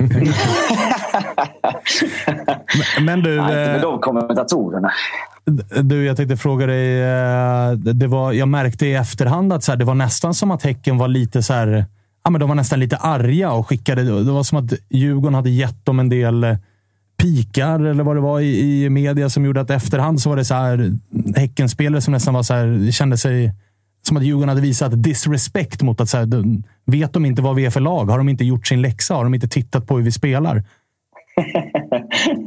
Ja, jag, jag har också noterat att det varit många, många, många glidningar. Men det kanske, jag vet inte vad det skulle grunda sig i. Eh, Djurgården är som är så snälla jämt och inte retar någon. Just det. Fan, vad bra bild du har där. Det delar vi. Men du, eh, hur känns det att ha Nej, men, ja. guldet i egna händer nu igen då? Nej, men det är väl otroligt och jag tycker att liksom, det här ska väl på pappret vara den svåraste matchen för året. Liksom. Och jag menar, Freddy är ju väldigt ödmjuk här i studion. Eh, så, men på samma sätt var vi jävligt ödmjuka när vi satt nervösa på bussen upp och var så att ja, men, de leder sin jävla grupp i Europa Conference League. De eh, ligger etta i tabellen. Liksom, det är ett jävligt bra lag vi möter. Och liksom, ja, det- så liksom att vi kan göra den här prestationen vi gör där. Det, ehm, ja, det ger ju ändå ett lugn i, i själen också på något vis. Ehm, Det förstår jag. Men du, eran avslutning, den är ju... eh, Även om det här var kanske den tuffaste nöten, Djurgården borta, som har ett poängtapp på hemmaplan den här säsongen. Åka dit och vinna är såklart starkt, men jag menar, ni har ju... Visst, Giffarna hemma i nästa, den ska ni ju såklart vinna. Men därefter, det fortsätter ju vara det AIK borta och tillåt mig att revidera det jag sa till dig senast. Det kommer inte bjudas på några poäng nu längre, utan nu kommer det bli match där. Sen har ni Malmö och ni har Peking och ni har derby mot Blåvitt på Gamla Ullevi. Det, det jävlar i mig matcher kvar att spela. Det är det, men liksom, eh, jag vet inte. Det här var det ultimata beviset någonstans på att det avgörs på plan. Och det här laget vi har i år, det de, de är där uppe av en anledning. Det är liksom, visst, det är, det är svåra matcher, men eh, vi tar dem. Jag, jag är fan övertygad om att liksom, ja, det kan vara något poängtapp här och där. Men ehm, det, är jag rätt övertygad om att resten också kommer ha någonstans eh, där, nu och då. Liksom. Och det står väl också skrivet i stjärnorna att det är Friberg som får lyfta den där pokalen till slut, eller? Ja, fy fan vad fint det hade varit. Men eh, ja. ja. Förstår jag att du tycker. Men du, eh, jag läste också eh, någonstans rapporter om att det var... Jag vet inte om du var på den bussen, men det var Häcken-supportrar som var försenade till att börja med. Var du på Jo. bussen där det blev lite stökigt, eller? Ja, alltså det är maximal otur. Vi bara väljer samma McDonalds att stanna på som Helsingborgsbussen som ska upp till... Eh, Och. Helsingborg av alla Så lag också. står- Herre min skapare. Ja, så vi står liksom och trycker varsin burgare i godan ro när eh, det bara dyker upp ett jävla gäng som var sugna på att veva. Eh, och jag skrattade åt det. Det borde jag fan inte göra för det var liksom, ja, den enda som fick liksom stryk. Det var liksom världens snällaste kille som absolut aldrig har varit inblandad i något skit. Han fick liksom åka ambulans och sådär. Så jag menar, det, fan. ja, det är inte heller kul. Ja, det var så allvarligt alltså, att det var ambulansläge? Eh, men det var ju liksom, fan det var på ett McDonalds i Mjölby. Det var ju inte, det var ju, folk ringde polisen direkt. Liksom. Mm. Eh, Och det var ju så.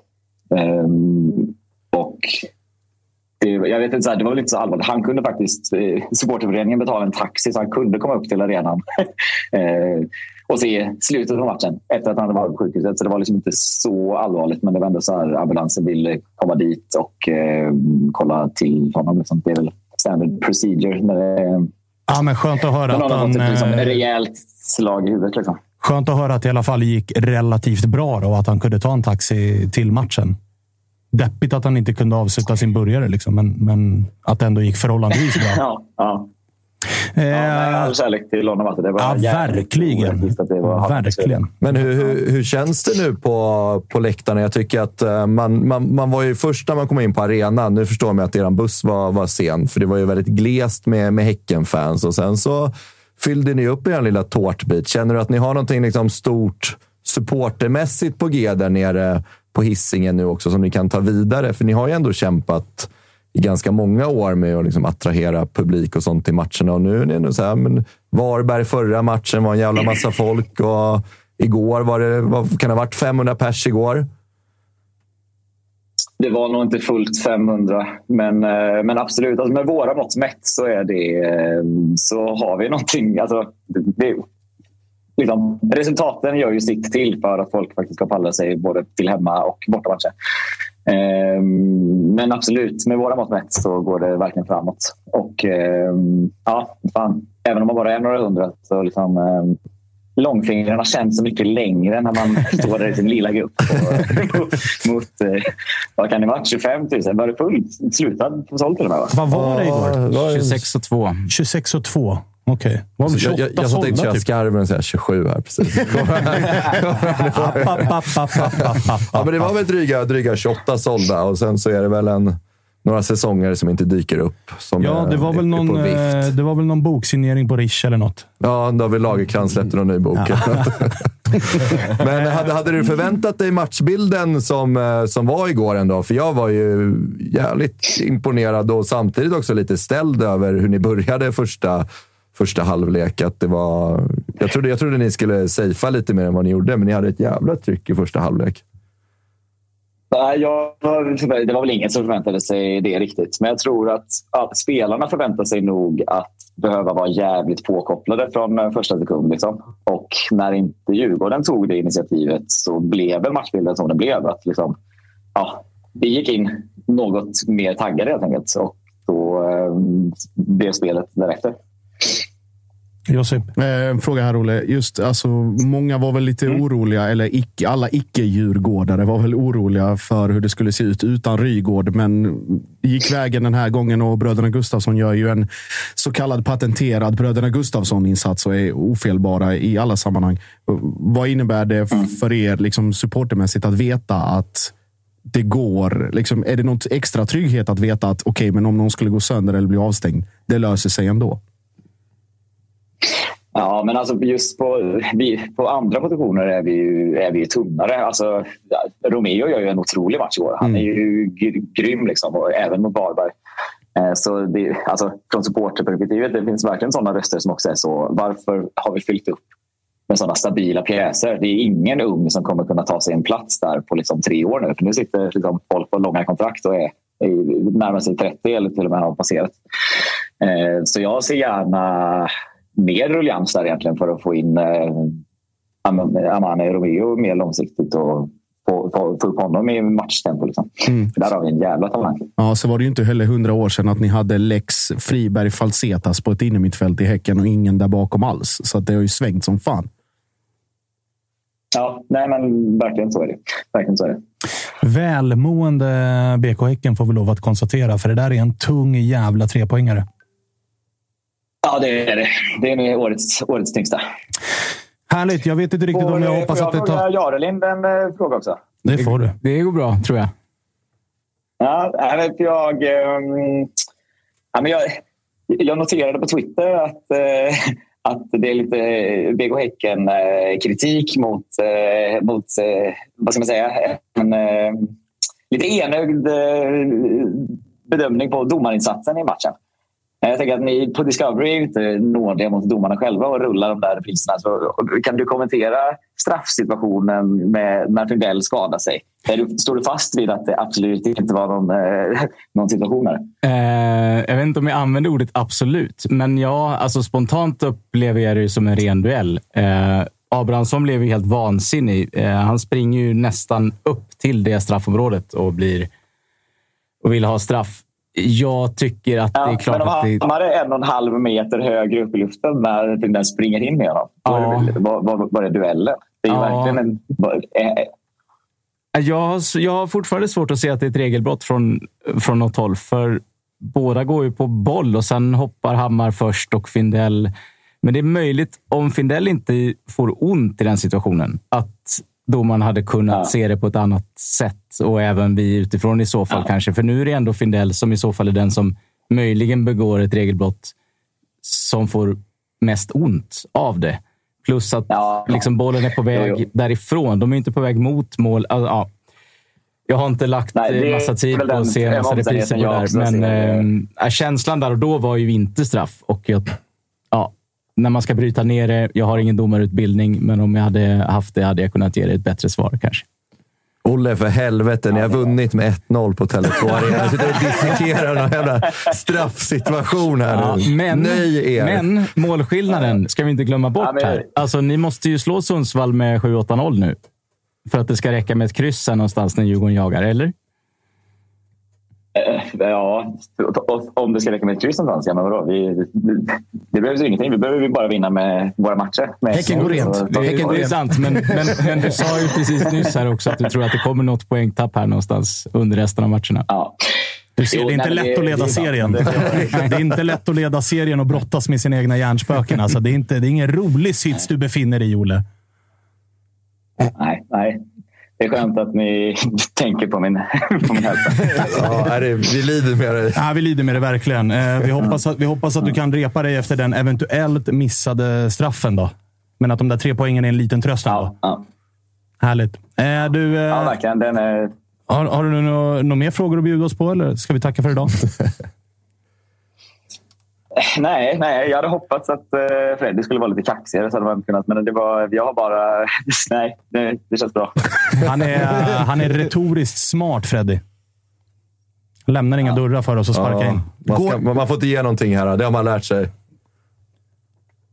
Gå rent nu, Olle. Ja. För allas skull. Gå rent. Ja, Vi, Jag hoppas- eh, vi gör, gå inte rent som Malmö går rent bara, för det blir fan Nej, gå riktigt spelare. rent.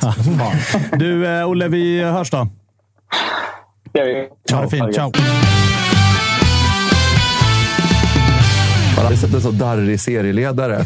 Nej, men det var ena sekunden ska vi vinna resten. Nästa sekund så kommer det komma något poängtapp här och där. Och, och, men sen så måste fan eh, måste backa det där, Jarlind. Jag har sett den där, såg den där eh, situationen igen och jag vill ju verkligen att Häcken skulle vinna den där matchen. Men jag tänkte inte för en sekund på att det där eventuellt skulle vara en straff. Nej, absolut inte. Alltså noll. Eller hur? Jag, det är väl också mycket som du var inne på också, Jarlind, att eh, han, han blir ju skadad, Findell. Här, jag tror det sett annorlunda ut om Findell inte hade blivit skadad. Men fan, kollar man på reprisen, båda två kollar ju på bollen.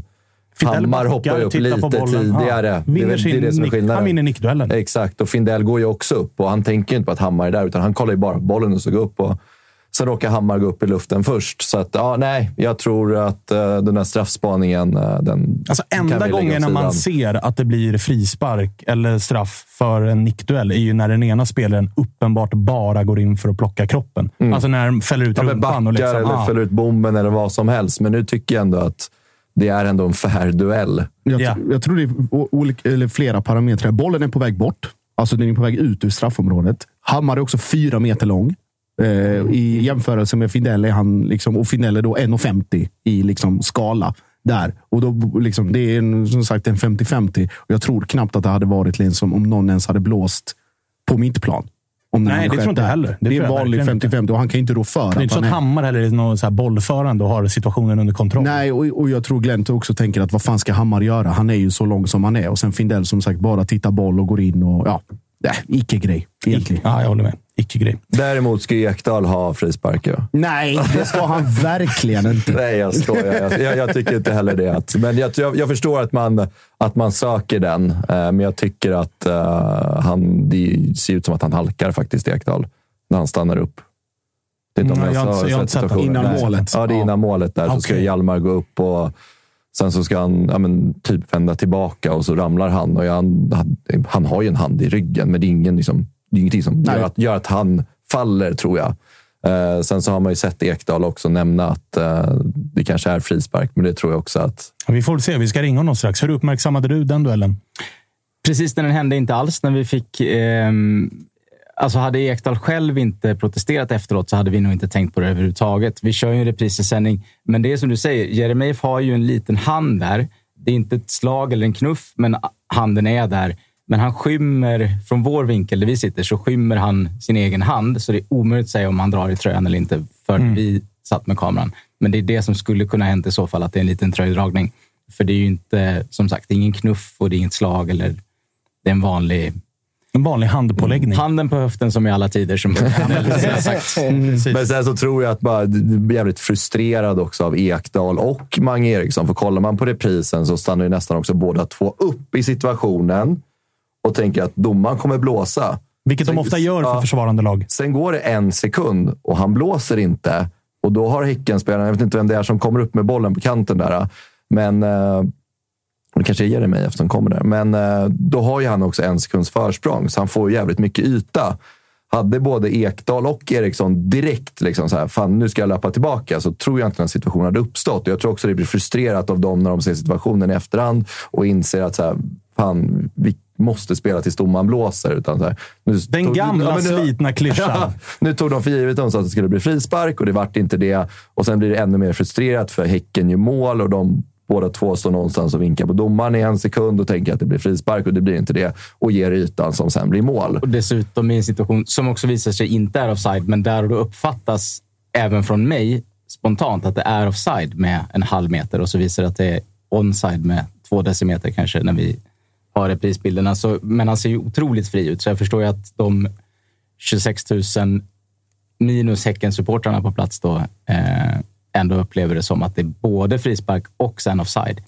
Allt var Jag tänkte också det när jag såg eh, när målet plingar in och man går in och kollar på Discoverys Twitter, som för övrigt ska ha cred för att de är jävligt snabba med att ladda upp målen.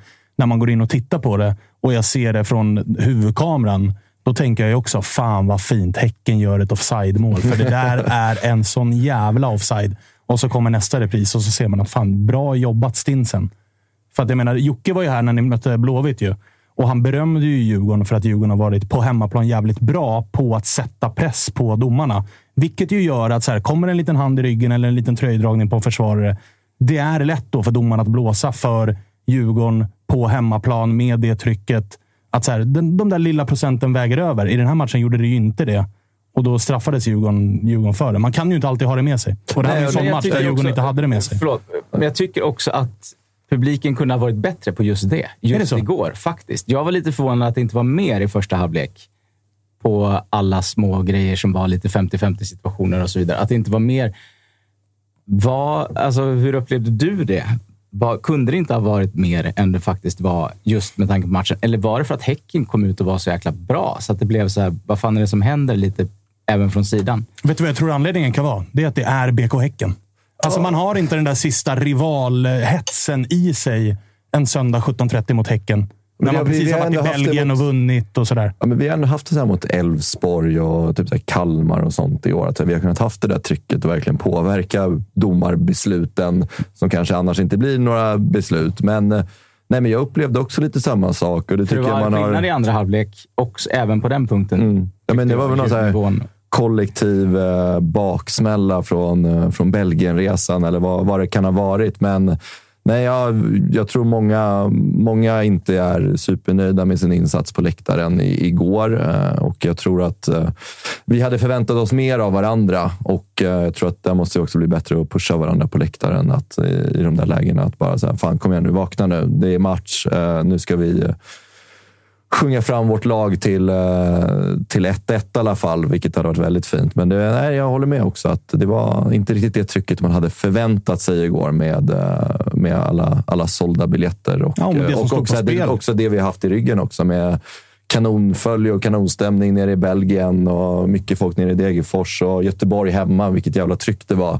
jag vet inte, det var, kändes bara som en kollektiv bakfylla på planen och på läktaren. Vi... Ja, man väntar sig nästan lite den där situationen när det blir frispark emot, som kanske absolut ska vara frispark, men det tycker man ju inte med hemmaögon. När långsidorna liksom skiter i att kortsidan sjunger någonting, utan det buropen blir högre än sången från kortsidan för att man får en frispark emot sig. Alltså den taggningen fanns ju inte alls på det sätt jag hade förväntat mig. Nej, nej, jag, jag, jag håller med. Jag håller med. Och där, där får vi alla eh, bättra oss. Eh, och sen derby är derby, liksom, så det vet man ju kommer bli ma tänkte, ma magiskt tryck. Ja, jag tänkte komma till det, för att jag menar, nu är det... Alltså, I allsvenskan är det trots allt två raka torsk. Mm. Det är noll gjorda mål. Det är fyra insläppta.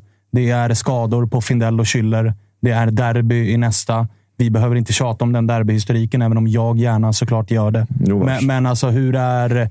Hur är, för det har ju varit ett självförtroendefyllt Djurgården med all jävla rätt. Men med de här två allsvenska matcherna i ryggen, med skadorna på det, hur är liksom eh, derbynerven nu? Nej, men jag tror väl att Häcken-matchen varit väl ett jävla uppvaknande nu. Att vi har inte råd att torska något mer i allsvenskan. Och jag tror att eh, skulle vi gud förbanne torska derbyt på nästa söndag, då tror jag att vi har eh, tufft i en, i en guldstrid. Jag gjorde korstecken för dem som bara lyssnar. och, äh, det var länge sedan vi förlorade två matcher i allsvenskan. Och, äh, det var faktiskt oktober förra året med 0-1 och 0-3. Ja. Precis Oj, så du, du menar att vi har ett derbyresultat att jobba? 0-3? Historien upprepar sig. Ja, men vi torskade 0-3 mot Degerfors. Det är redan gjort. Ah, fan också! Ja. Vad gjorde de i den tredje matchen? Ja, då vann Nej, vi. Kolla nu. Då vann vi. Det var, det var till fyra Så att uh, historien är ju med oss då, då på ja. nästa söndag. Det här vänder vi på. Det beror på vilken historie, historiebok man läser. Ja, jag läser Göran Linds här. Nej, men jag, jag, läste någon intervju med Hjalmar också. Att, uh, jag tror att spelarna också kommer vara jävligt taggade och se tillbaka lite på sina egna insatser nu i Allsvenskan. Att det här håller inte om vi ska vara där uppe. Och det blir så märkligt också när vi levererar borta mot Gent och gör en jättebra match. Och innan har vi torskat mot Degerfors och nu torskar vi mot Häcken. Så jag vet inte riktigt vart vi står någonstans. Men eh, vi ska väl inte dra allt för stora växlar med att vi förlorar två matcher i allsvenskan. Det är ju trots allt en, eh, en jävla Hawaii-svenska i år. Så att man, man har ju råd att förlora matcher, men å andra sidan, det här var någonstans den matchen man hade räknat hem att den här kan vi vinna. För vinner vi den så har vi eventuellt råd att torska mot Malmö eller mot eh, Norrköping. Eller mot AIK. Eller, eller mot, mot, mot något annat lag. men men, ju... men nu, nu, har vi inte råd med dem, den liksom, förlusten, för nu har vi fått den förlusten. Så nu måste vi någonstans eh, gå rent eller i alla fall eh, kryssa. Tror du att Kim och Tolle, för jag menar än så länge är det som du var inne på med Josip gällande Malmö, att Kim och Tolle har ju typ skickat ut bästa möjliga laget i varje match här. Nu med skadorna som kommer, man tvingas ju till förändringar, men som du är inne på, man har heller inte råd nu att tappa mer i eh, allsvenskan. Det har man däremot i Conference League. Alltså man skulle kunna ställa ut liksom B-laget inom eh, citationstecken, mot eh, Gent här på torsdag. Det räcker ju typ med vinst mot Shamrock. Vinst mot Shamrock kan ju räcka för avancemang. Lyckas man lösa ett kryss borta mot Molde och allt vad det är. Men med tanke på att det är derby på söndag, tror du att Kim och Tolle resonerar likadant? Att så här, nu kanske Mange och ett par spelare till behöver vila. Någon av Ekdal och Danielsson kanske får sitta och in med Lövgren. Och du vet att man gör den rokaden för att vila så många man kan inför AIK, för den blir någonstans viktigare. Inte bara för att det är derby, utan också för allsvenska guldstriden så blir den viktigare än vad Gent är på torsdag någonstans, så, om man läser mellan raderna, så är ju Kim och Tolle benägna och, och villiga att spela bästa möjliga elva i varje match just nu. Och de har inte haft någon så här utpekad strategi att i Europa ska vi spela med ett eh, sämre lag inom situationstecken för att lägga all energi på allsvenskan. Utan jag tror någonstans att man har fått in spelarna i det här tempot. Att vi har en härlig match, vi har en vardagsmatch och alla är någorlunda liksom, triggade för att spela så. Och så här, det funkar bra för dem och de har hittat ett sätt med fysteamet och hitta återhämtning på spelarna och sånt. Och nu när vi får skadorna på Rasmus och Findell så finns det inte heller så mycket utrymme för rotation. Utan det är som du är inne på, det kanske blir Lövgren istället för Hjalmar eller Danielsson. Det blir Asoro troligtvis från start istället för Edvardsen eller Haris eller Wikheim. Men det är typ den rotationen vi, vi kan göra just nu eh, med tanke på skadorna på Rasmus och Findell. För då vet vi att Sabovic och eh, Banda kommer att starta. Eh, Elias Andersson också in istället för Pierre. men det är också så två här, lika bra Logiskt. spelare på, på de positionen. så att det är så här, ja, men, vem av dem spelar derbyt och vem av dem spelar mot Gent. Det är, så här, det är lite hugget om stucket. Mm. Men så här, jag, så här, de, de kommer spela med bästa laget mot Gent uh, och inte liksom spela med några sämre spelare för att, vila dem, liksom. för att vila dem mot, uh, inför derbyt uh, mot, mot AIK. Det tror jag inte. Och det tycker jag man sett tendenser på under hela det här Europaspelet. Att vi väljer att spela eh, någon av våra liksom, 15 startspelare som ändå kan starta matcher. Att det är mm. de som vi går runt på. Mm, jag, jag, tror detsamma, eh, men det vore också nästan märkligt om inte till exempel Magnus Eriksson blir utbytt i 60 nästan oberoende vad det står. Alltså någonstans finns det ändå en gräns för de här matcherna och det är klart att derbyt är viktigare. Som du säger, det räcker med någon poäng till eller att slå Shamrock hemma helt enkelt, vilket man ju ska i normala ja. fall. Det här är inte den viktigaste matchen, den som kommer på torsdag under hösten, utan snarare den minst viktiga helt plötsligt. Mm. Men också med det sagt, eh, det finns inte så mycket rotationsmaterial att, att ta av. Och balansgången med att få med sig en bra insats också. Resultatet kanske är lite skitsamma på torsdag. Det spelar ingen roll om det blir 1-0 eller 1-1 eller 0-1. Hårdraget. Men, men skulle det bli 0-4? Precis. Eller, och framförallt insatsen överhuvudtaget. Liksom. Mm. Säg att man gör en bra match, men ändå det blir bara ett, bara ett kryss, så är det ändå okej okay att ta med sig in i derbyt. Men man vill inte ha... Dålig insats och 0-2, ja. så nej. Man vill inte ha eh, en svag insats, ett svagt resultat med sig in i ett derby. Då har man helt plötsligt liksom förlorat tre av de fyra senaste matcherna kanske. Och då kanske det är skitsamma om du har pigga ben, för då sätter det sig kanske lite mer mentalt istället. Så det är ett jävla, det är ett jävla eh, rävspel här mot slutet. Ju. Absolut, och sen tror jag de också tänker på så här, fan, vinner vi mot Gent uh, nu i, i, veckan på torsdag, då är vi klara för slutspelet. Då kan vi verkligen, mm. om vi nu skulle liksom vilja spara spelare i slutet, att så vila nyckelspelare borta mot Molde, hemma mot Shamrock. För att vi har vetskapen att vi är vidare i Europa. Nu lägger vi allt fokus på allsvenskan, så det finns också den aspekten att ta i liksom beaktning. Att säga, vinner vi mot Gent, då är vi vidare i gruppen och då kan vi verkligen liksom inte lägga jättemycket fokus på Molde ja, och exakt, exakt. Och, och, där är ju också slitaget en annan parameter. Alltså så här, ska du gå för det mot, mot Gent, ja då kanske du riskerar att ytterligare någon går sönder eller någon drar på sig liksom någonting. Precis, en baksida till i 85 någonstans. Ja, och, det, och då det kan det också vara helt i onödan. Och då blir det så här, jaha. Och sen så som du, som du säger, Jarelind, alltså att alternativen är inte så jävla många. Alltså det, det som ska fyllas på eller det som ska komma in och ersätta. Det blir plötsligt startspelare med fem omgångar kvar beroende på hur det är med Schüller och hur det är med, ja, med Finell. Och då blir det så här, jaha, men om det blir någonting på dem. Ja, Vad gör man då? då ja, mm. då sitter man i skit. Sen är det ju så jävla sjukt, som, du, som vi är inne på också, att den här, alltså allsvenskan är unik på så sätt att så här, jag såg att Discovery skickade ut på sin Instagram nu formtabellen på topp fem. Den är helt är ett, overklig. Ett lag som har vunnit tre av de fem senaste matcherna. Det är Kalmar. Sen är liksom Bayern är med där. De har inte vunnit någon av sina fem senaste matcher. Eh, Djurgården har två vinster. Häcken leder serien. De har en vinst på de senaste fem matcherna. Det är ju, det är ju, man säger ju hela tiden, Josip, du har ju varit bäst på det. Vi ska gå rent. Vi ska ja. gå rent. Eh, topp sex var det, för Malmö är med här också, Just. såg jag. Eh, hade det varit topp fem så hade vi inte behövt prata om Malmö. Men Malmö har ju två vinster på fem ja, senaste. Vi, vi prenumererar ju. Vi byter ju bara plats. AIK Malmö. Det är från omgång till omgång. Någon så blir fyra, någon blir sexa. Sen... Eh, hörni, vi ska fortsätta prata Djurgården. Den här matchen som spelades förtjänar ju faktiskt eh, airtime, som det så fint heter. Så att vi tar och ringer Jalmar Ekdal och kollar hur eh, hans kropp känner sig till att börja med. Det gissar jag är en stor snackis i Djurgårdsled. Men vi ska också kolla hur man ser på det som komma skall här då med Gent hemma och AIK hemma. Nu har vi honom med oss. Hjalmar Ekdal, hur är läget? Det är bra. Hur själv? Det är, eh, med mig är det nog eh, bättre, skulle jag Ja, säga. jag tänkte säga det. Det är fan inte så jävla bra jag tänker efter. Nej, exakt. Du, du körde standardsvaret, sen kom du på att så här, fan, Ja. inte super. Det precis. Ja. Du, eh, vi har suttit och pratat i, f- ganska mycket om he- matchen som spelades mot eh, Häcken och vi kan väl eh, ta avstamp i den innan vi pratar om lite framtid. Vi, vi var många som blev lite förvånade över Häckens start på den här matchen som var väldigt eh, respektlös mot er på hemmaplan. Det är få lag som visar så lite respekt, tyckte vi. Mm, nej, du har rätt i. De, eh, de gick ut och körde sitt spel, vilket de gjorde rätt i såklart. De fick ju matchen dit de ville i första halvlek och vi, det gör en väldigt svag första halvlek. Eh, där vi inte kommer upp i det här uh, Djurgårdstempot och eh, med omställningsspel och med eh, kavalkader av målchanser. Liksom. Ehm, så där, där fick de ju verkligen det dit de ville helt och hållet.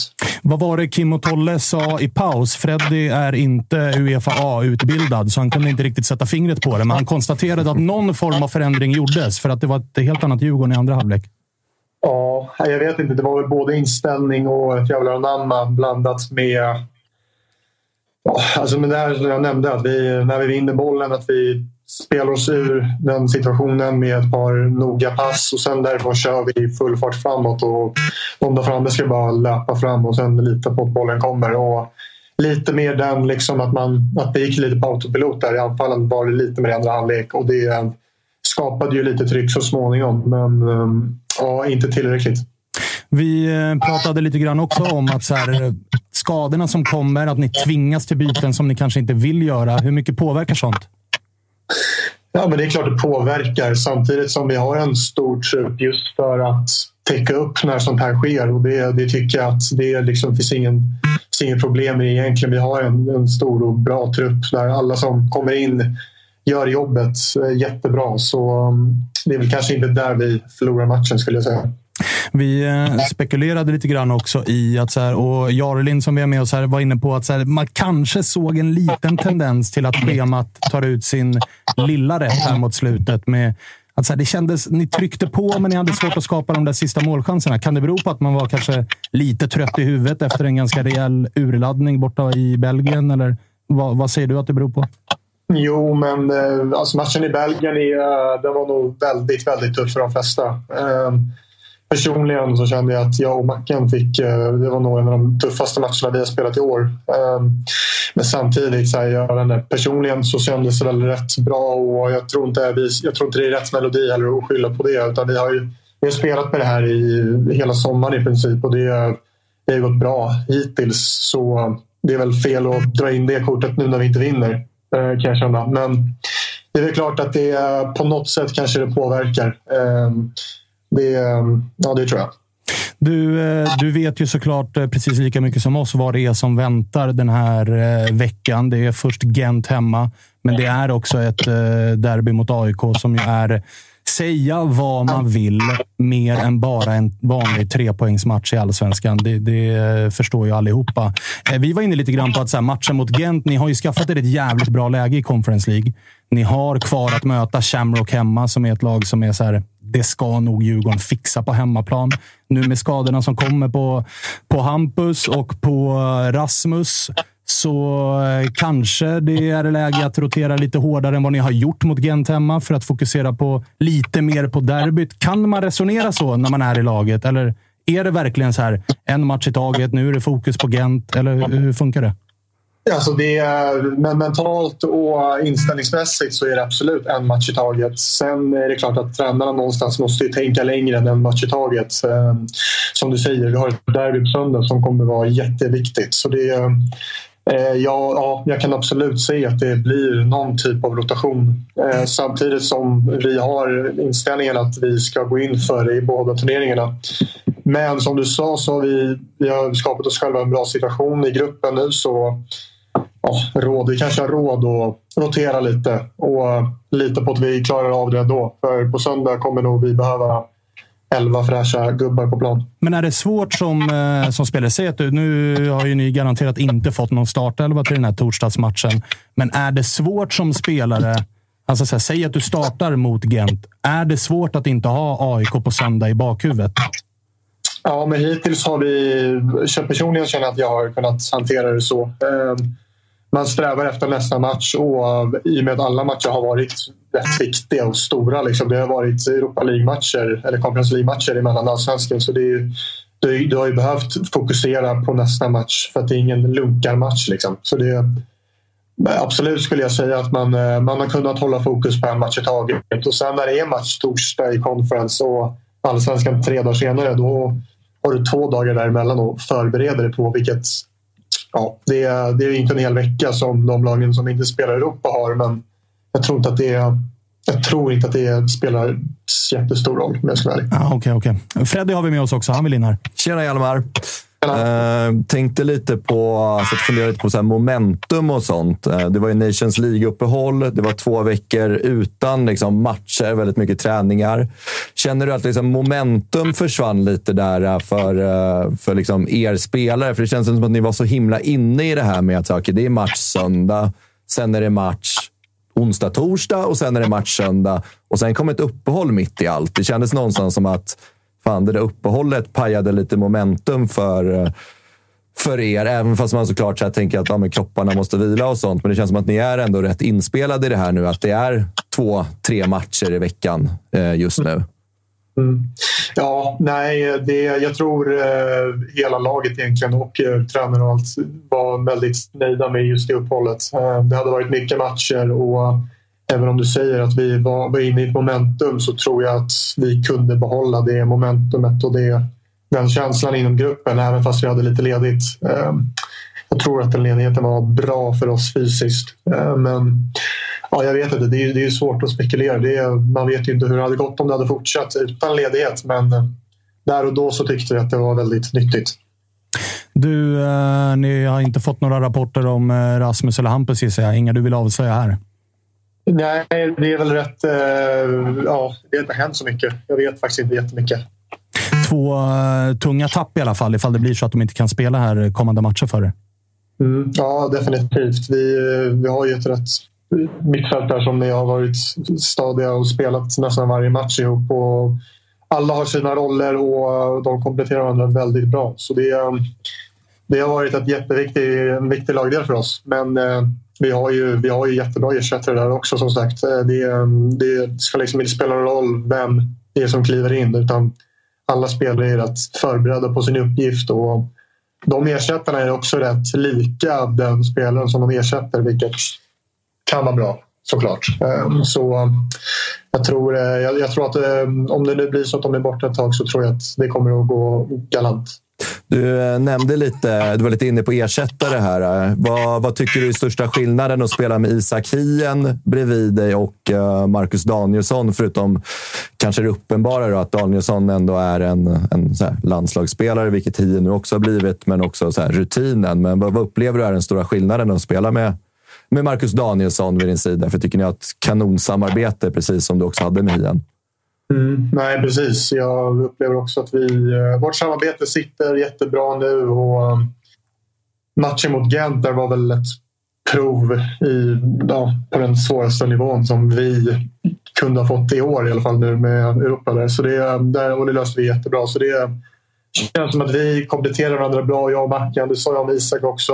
Eh, Isak var ju som ni vet ett fysiskt monster och han, man kunde ju liksom förlita sig på att han, han löste en mot en situation var på, var på plan det enda skedde. Och Mackan är väl ja, lite mer av den rutinerade och vad ska man säga, kanske stabilare mittbacken som jag ja, som jag också känner mig otroligt trygg med. Han vinner alltid luften och lugn och trygg med fötterna och, så och snackar mycket. Så, så det är båda två är väl rätt lika skulle jag säga och spela bredvid. Det känns, kändes tryggt att ha Isak och det känns minst lika tryggt att ha Mackan bredvid. Uh, de är inte jätteolika varandra egentligen.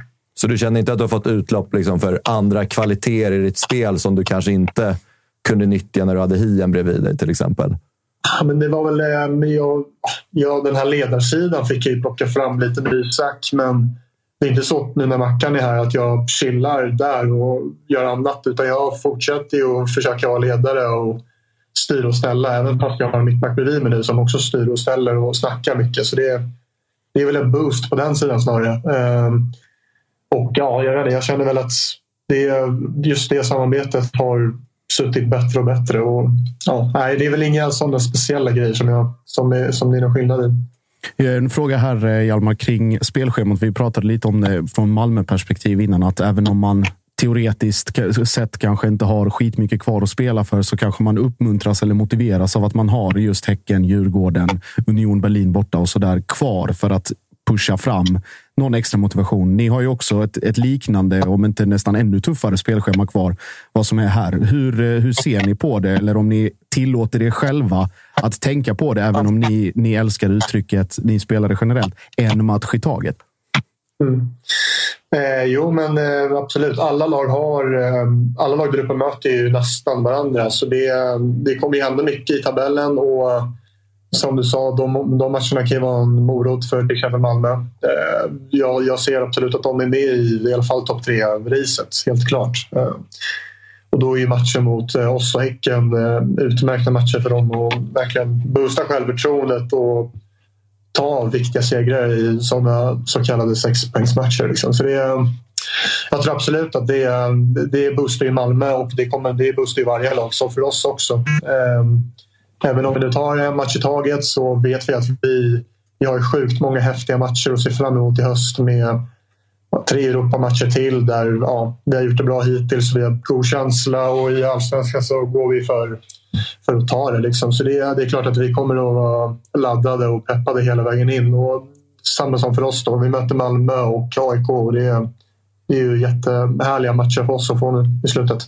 Jag tänker det borde, vara, eller det borde vara lättare att motivera sig just mot, eh, mot AIK och mot Malmö än att liksom mitt i den här smeten med Europa League och, och, eller Conference League och tuffa matcher att behöva åka liksom, med all respekt till, till lagen. Värnamo och, och Degerfors och Mjällby borta. Det är, de bussresorna kanske inte är de roligaste. Liksom.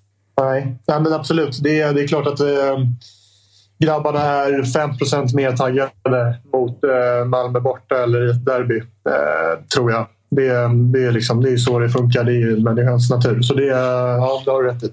Du, eh, Hjalmar, ni får eh, slicka såren då och sen hoppas ju jag såklart att ni tar ut er något överjävligt här på torsdag mot Gent. Bara töm allt ni har där. Ja, det tror jag vi kommer behöva göra, för det är ett jävla bra lag. Alltså. Mm. Ja, jag, jag Kniper serieledningen där. håller tummarna. Alltså, det, det där är en sån match där det är värt att liksom offra mycket. Man får ta en baksida. Det, det, är inga problem. Sen bara skickar vi ut AIK på planen efter domaren blåser av, så tar vi den matchen samma veva. Där. Just det. Just det. Nej, men härligt, eh, Hjalmar. Tack för att vi fick eh, ringa och prata med dig. Självklart. Vi, vi hörs då. Kör hårt. Detsamma. Ciao, ciao. Ska vi... Fina ni att prata med för övrigt, Hjalmar. Vältalig. Klok, klok, och vältalig. Extremt vältalig. Eh, får man säga. Eh, Han och Videll går väl någon Exakt. Hörrni, vi, har, eh, vi har ett par minuter kvar. Vi kan väl inte avsluta med liksom en deppig Djurgårdstorsk i det här programmet. Utan vi måste väl avsluta med lite, med lite glädje.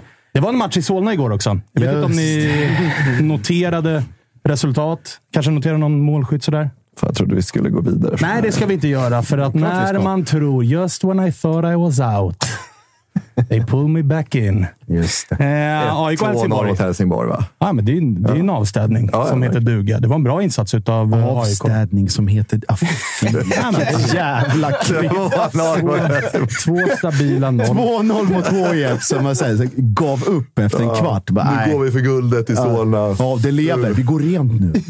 Men vänta, ska du komma och håna att, vi man, går rent. att man går rent? Jag menar, det har hänt konstigare saker i fotbollen än att AIK vinner mot Djurgården. Det måste mm. vi väl ändå konstatera? Mm. Ja, och då är man en poäng efter världens bästa lag, Djurgården. Ifall man vinner det där. Ja, just det, just det. Och, eh, är det jag så menar, tajt alltså? Ja, ja. Så är det ja. Där fick du en liten tankeställare. Du, du, trodde, du trodde AIK var borta. Ja, men det är du som har sagt det hela tiden. Ja. Jag har försökt brukar intala. lita på dig ibland. Ja, du brukar lita på mig. Det ska man inte göra, kan jag berätta för dig. Eh, men det var en bra match. AIK var faktiskt eh, jävligt bra i den här matchen. Eh, det var inte, vi har ju varit vana vid att se ett AIK som alltid lägger sig på motståndarnas nivå. Vilket har ju varit dåligt för oss, för vi har ju bara mött bottengängen här på slutet, så då har vi också varit bottenlag. Men här var vi bra mot Helsingborg eh, och målet är ju klass.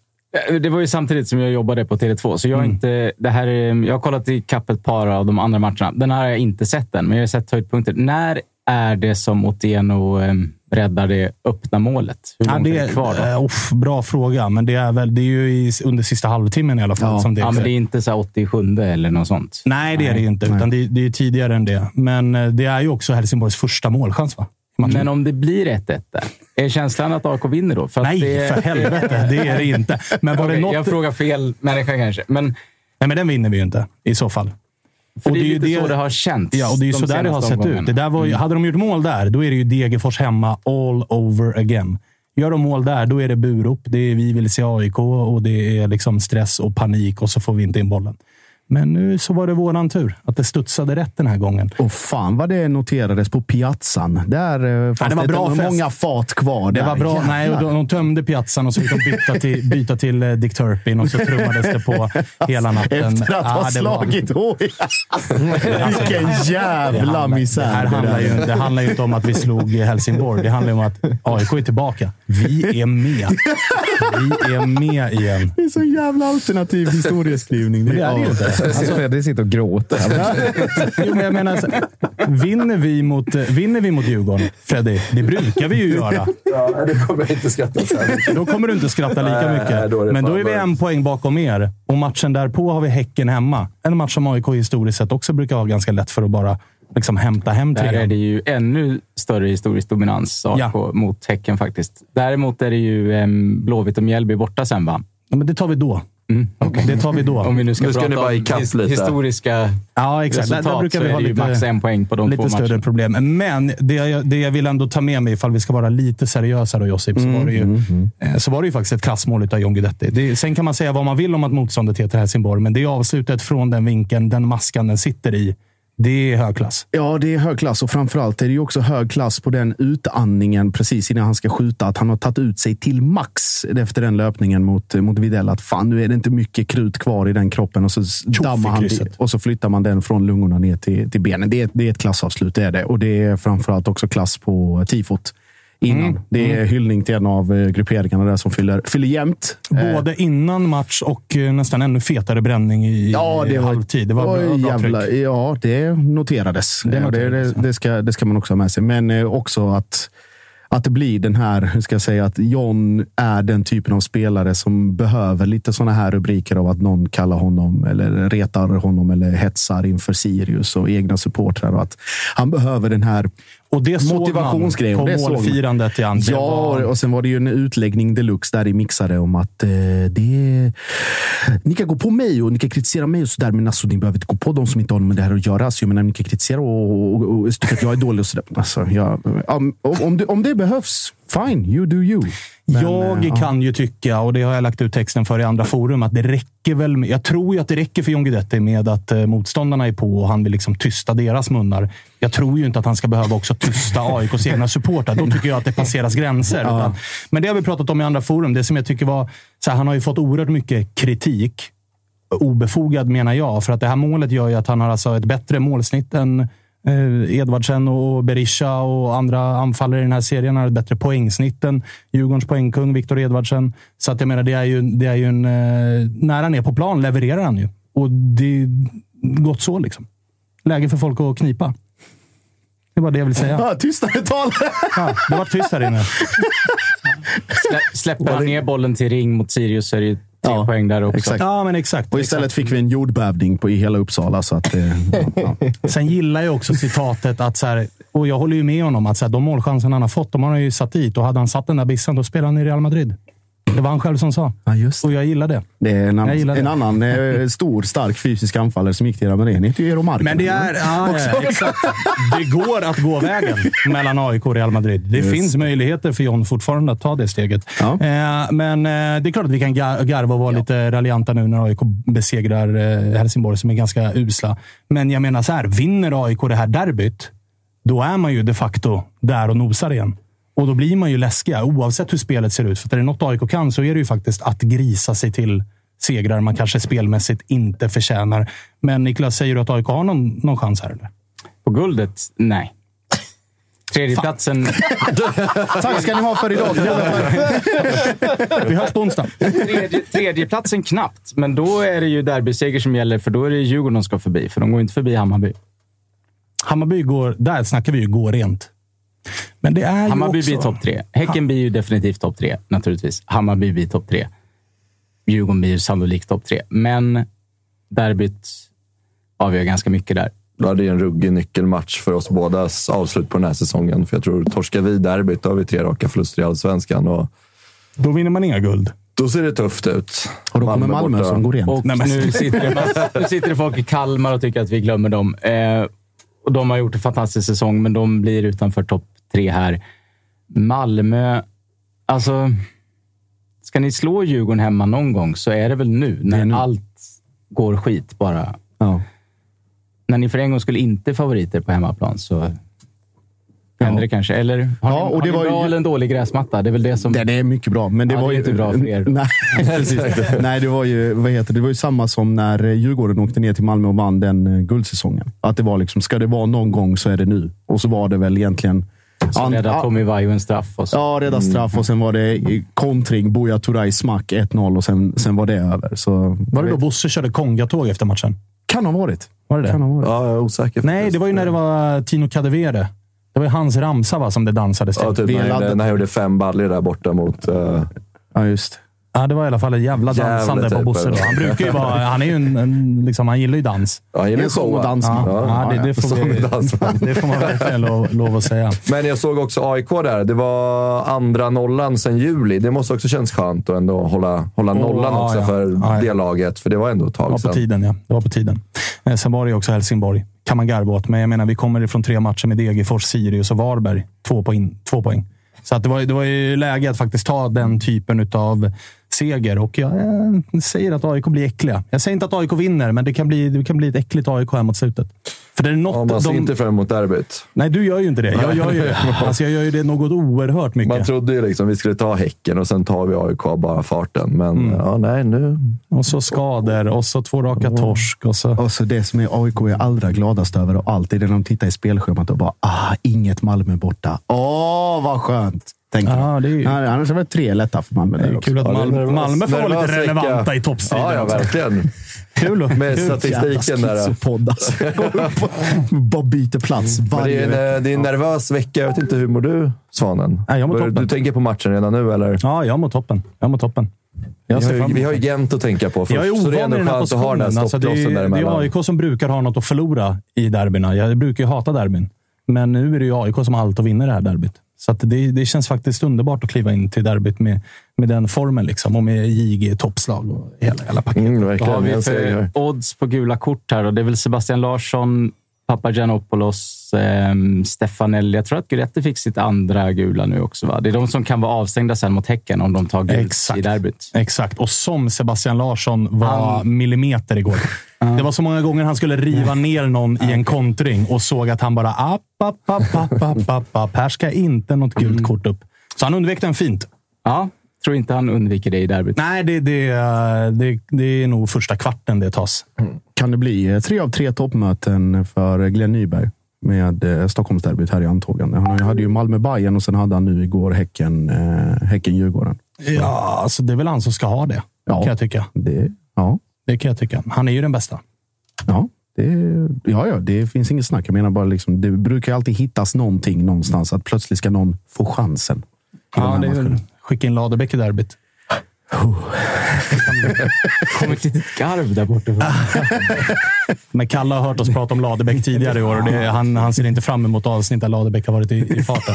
I, stor, I stormatcher. Jag och Josip var nära att börja bråka här efter någon, när cupmötet från i våras Det glömmer vi aldrig. Det Det glömmer, vi vi aldrig. Hörni, vi ska börja runda av. Det var ett eh, jävla trevligt avsnitt. Kul att ha dig här Niklas. Ja, det var trevligt. Äntligen har du kollat eh, Thåströms spelschema så att du Ja, vi mitt försökt, försökt boka dig eh, tio gånger, men den här Thåström har ju alltså spelningar hela tiden. Och du är på varenda en. Nej, är, eh, Absolut inte. Men, jag ska på sex av de tolv här nu i höst. Ja, det är mer eller mindre varenda en. Men eh, vi får försöka boka dig någon fler gång, men jag ska absolut kolla Thåströms spelschema först. Gör det. Och sen fråga dig om du kan. Eh, Josip, bra jobbat idag. Tack, tack Freddy, detsamma. Gott jobb till dig också. Tack snälla. Eh, vi Detsamma. eh, hörs Jättebra igen. jobbat. Ja, jä- jättekul att du kom hit idag tycker jag. Ja, verkligen. Det var oerhört roligt att prata om Djurgårdens Ja, senaste match. Det är trevligt. Det var- sällan det är det. Det var ju eh, det var i Kalmar i maj senast jag satt här och eh, vi inte hade vunnit en match. Ja, men nu har du en fin trend. Mm, verkligen. Fortsätter vi med den tycker jag. Trenden med att komma här och prata om en förlust. Ja. Nä, Nästa gång, om, om det blir torsk i derby, då måste Freddy sjunga den här Coca-Carola-låten. Eh, vad heter det? Åh, Djurgården, vår allra bästa vän. Då måste du sjunga den live.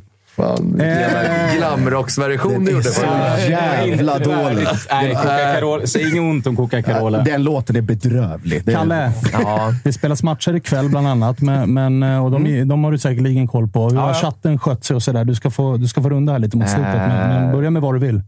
Ja, men jag, ty jag tycker chatten har varit... Jag har fan eh, inte blockat någon förutom en kille som påpekade att jag inte hade blockat någon. Så då få en då, Men, men annars, annars har det varit väldigt lugnt. Jag, jag tycker... vad jag tar med mig från chatten så var det ett meddelande som var så här. Fan, man kan bara tänka sig hur Jocke undviker Friberg på ICA nu när han går runt. Hörru, du, eh, på tal om chatten. Ju, Ljudmätaren. Den har inte slagit i taket idag, va? Inte så mycket. Det var dåligt ljud på Hjalmar tyckte de. Ah, ljudet. De fick ändå in den. De fick in den. Ja, de fick in det. Ja. Okej. Nej, de, de kämpar på. Absolut. Har du något annat då? Eh, Ja, men vi har ju lite matcher i, eh, i, eh, ikväll och då har vi på Unibet lite odds på det också. Då. Eh, Snoka till 2,18 vinst. Mjällby 3,50. Oavgjort 3,60. Varberg ser oddsmässigt ut att få det riktigt jävla tufft eh, mot Hammarby. Det vill säga att man får 12,50 gånger smeten ifall Varberg tar hem det här. 1,28 om Hammarby vinner. Oavgjort 6,10.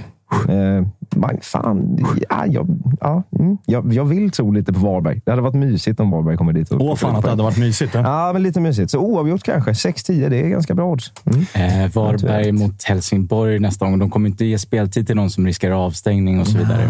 Så... Det är B-laget som ska ut här, med andra ord. Eh, Folk ska plockas av i 60 och det ska sparas energi och hela den här grejen. Nej, men last, lasta eh, hem och familj på 1,28 istället. om, du, om du är över 18 år och inte har problem med spel, för då går du in på stödlinjen.se. Härligt! Hörni, på onsdag så ska vi försöka få hit någon grönvit bajare efter att de har tvålat dit Varberg och det grövsta. Jag gissar att Tapper kommer hit också och ska snacka Peking som fortsätter tuffa på i ingenmansland. De spöar väl Mjällby och så ligger de där och, och guppar i mittens rike. Och så ska vi väl... Jag ska ringa dig Josip, för du ska ju till Berlin nu. Ja, Du tar en liksom lång... eh, Du, du gör en Freddy. Jag kör så en fem dagar. Jag kör en onsdag till måndag nere Fan, i, den tyska huvudstaden. Ja, den är. Vilket jävla ord va? Kre- Kreativ. Kreativ. Ja. Men eh, vad, berätta om schemat då. Blir det Berlin för hela slanten eller blir det... blir det här Berghain i Nej, fem dagar det, som match det där håller, sånt där håller jag mig långt borta från. Nej, det blir lugnt och, lugnt och städat. Bortsett från, eh, Det är ju från minst matchen. 24 timmar på Bergan i alla fall. Alltså om man går in så går man ju inte ut. kommer Ja, om man inte kommer in. Om man kommer in. Det är ju det som är grejen. Nej, det, Josip kollar matchen på mobilen inne på vägen. Men det är, det, är, det jävla gås. Är det Toto-svenskans största lögn i år att Josip säger att det blir lugnt i Berlin? Ja, det, Vi ska dit onsdag, måndag. den, den blir från Det är genomskådad. väl, det är väl den och eh, Vi går rent. Det är väl de Vi går rent lever fortfarande. Jag vill bara påminna om det. Sen Åge kom i allsvenskan, noll torsk. Just det. Men också noll vinster. Två. Typ. Ja. Två. ja, du ser. Mer eller mindre går rent. Det enda vi vet det är att AIK är med igen. Så att vi säger tack för idag och så eh, hörs vi lite senare. Tackar för kaffet. Vi hörs på onsdag. Hej allihopa. Hej.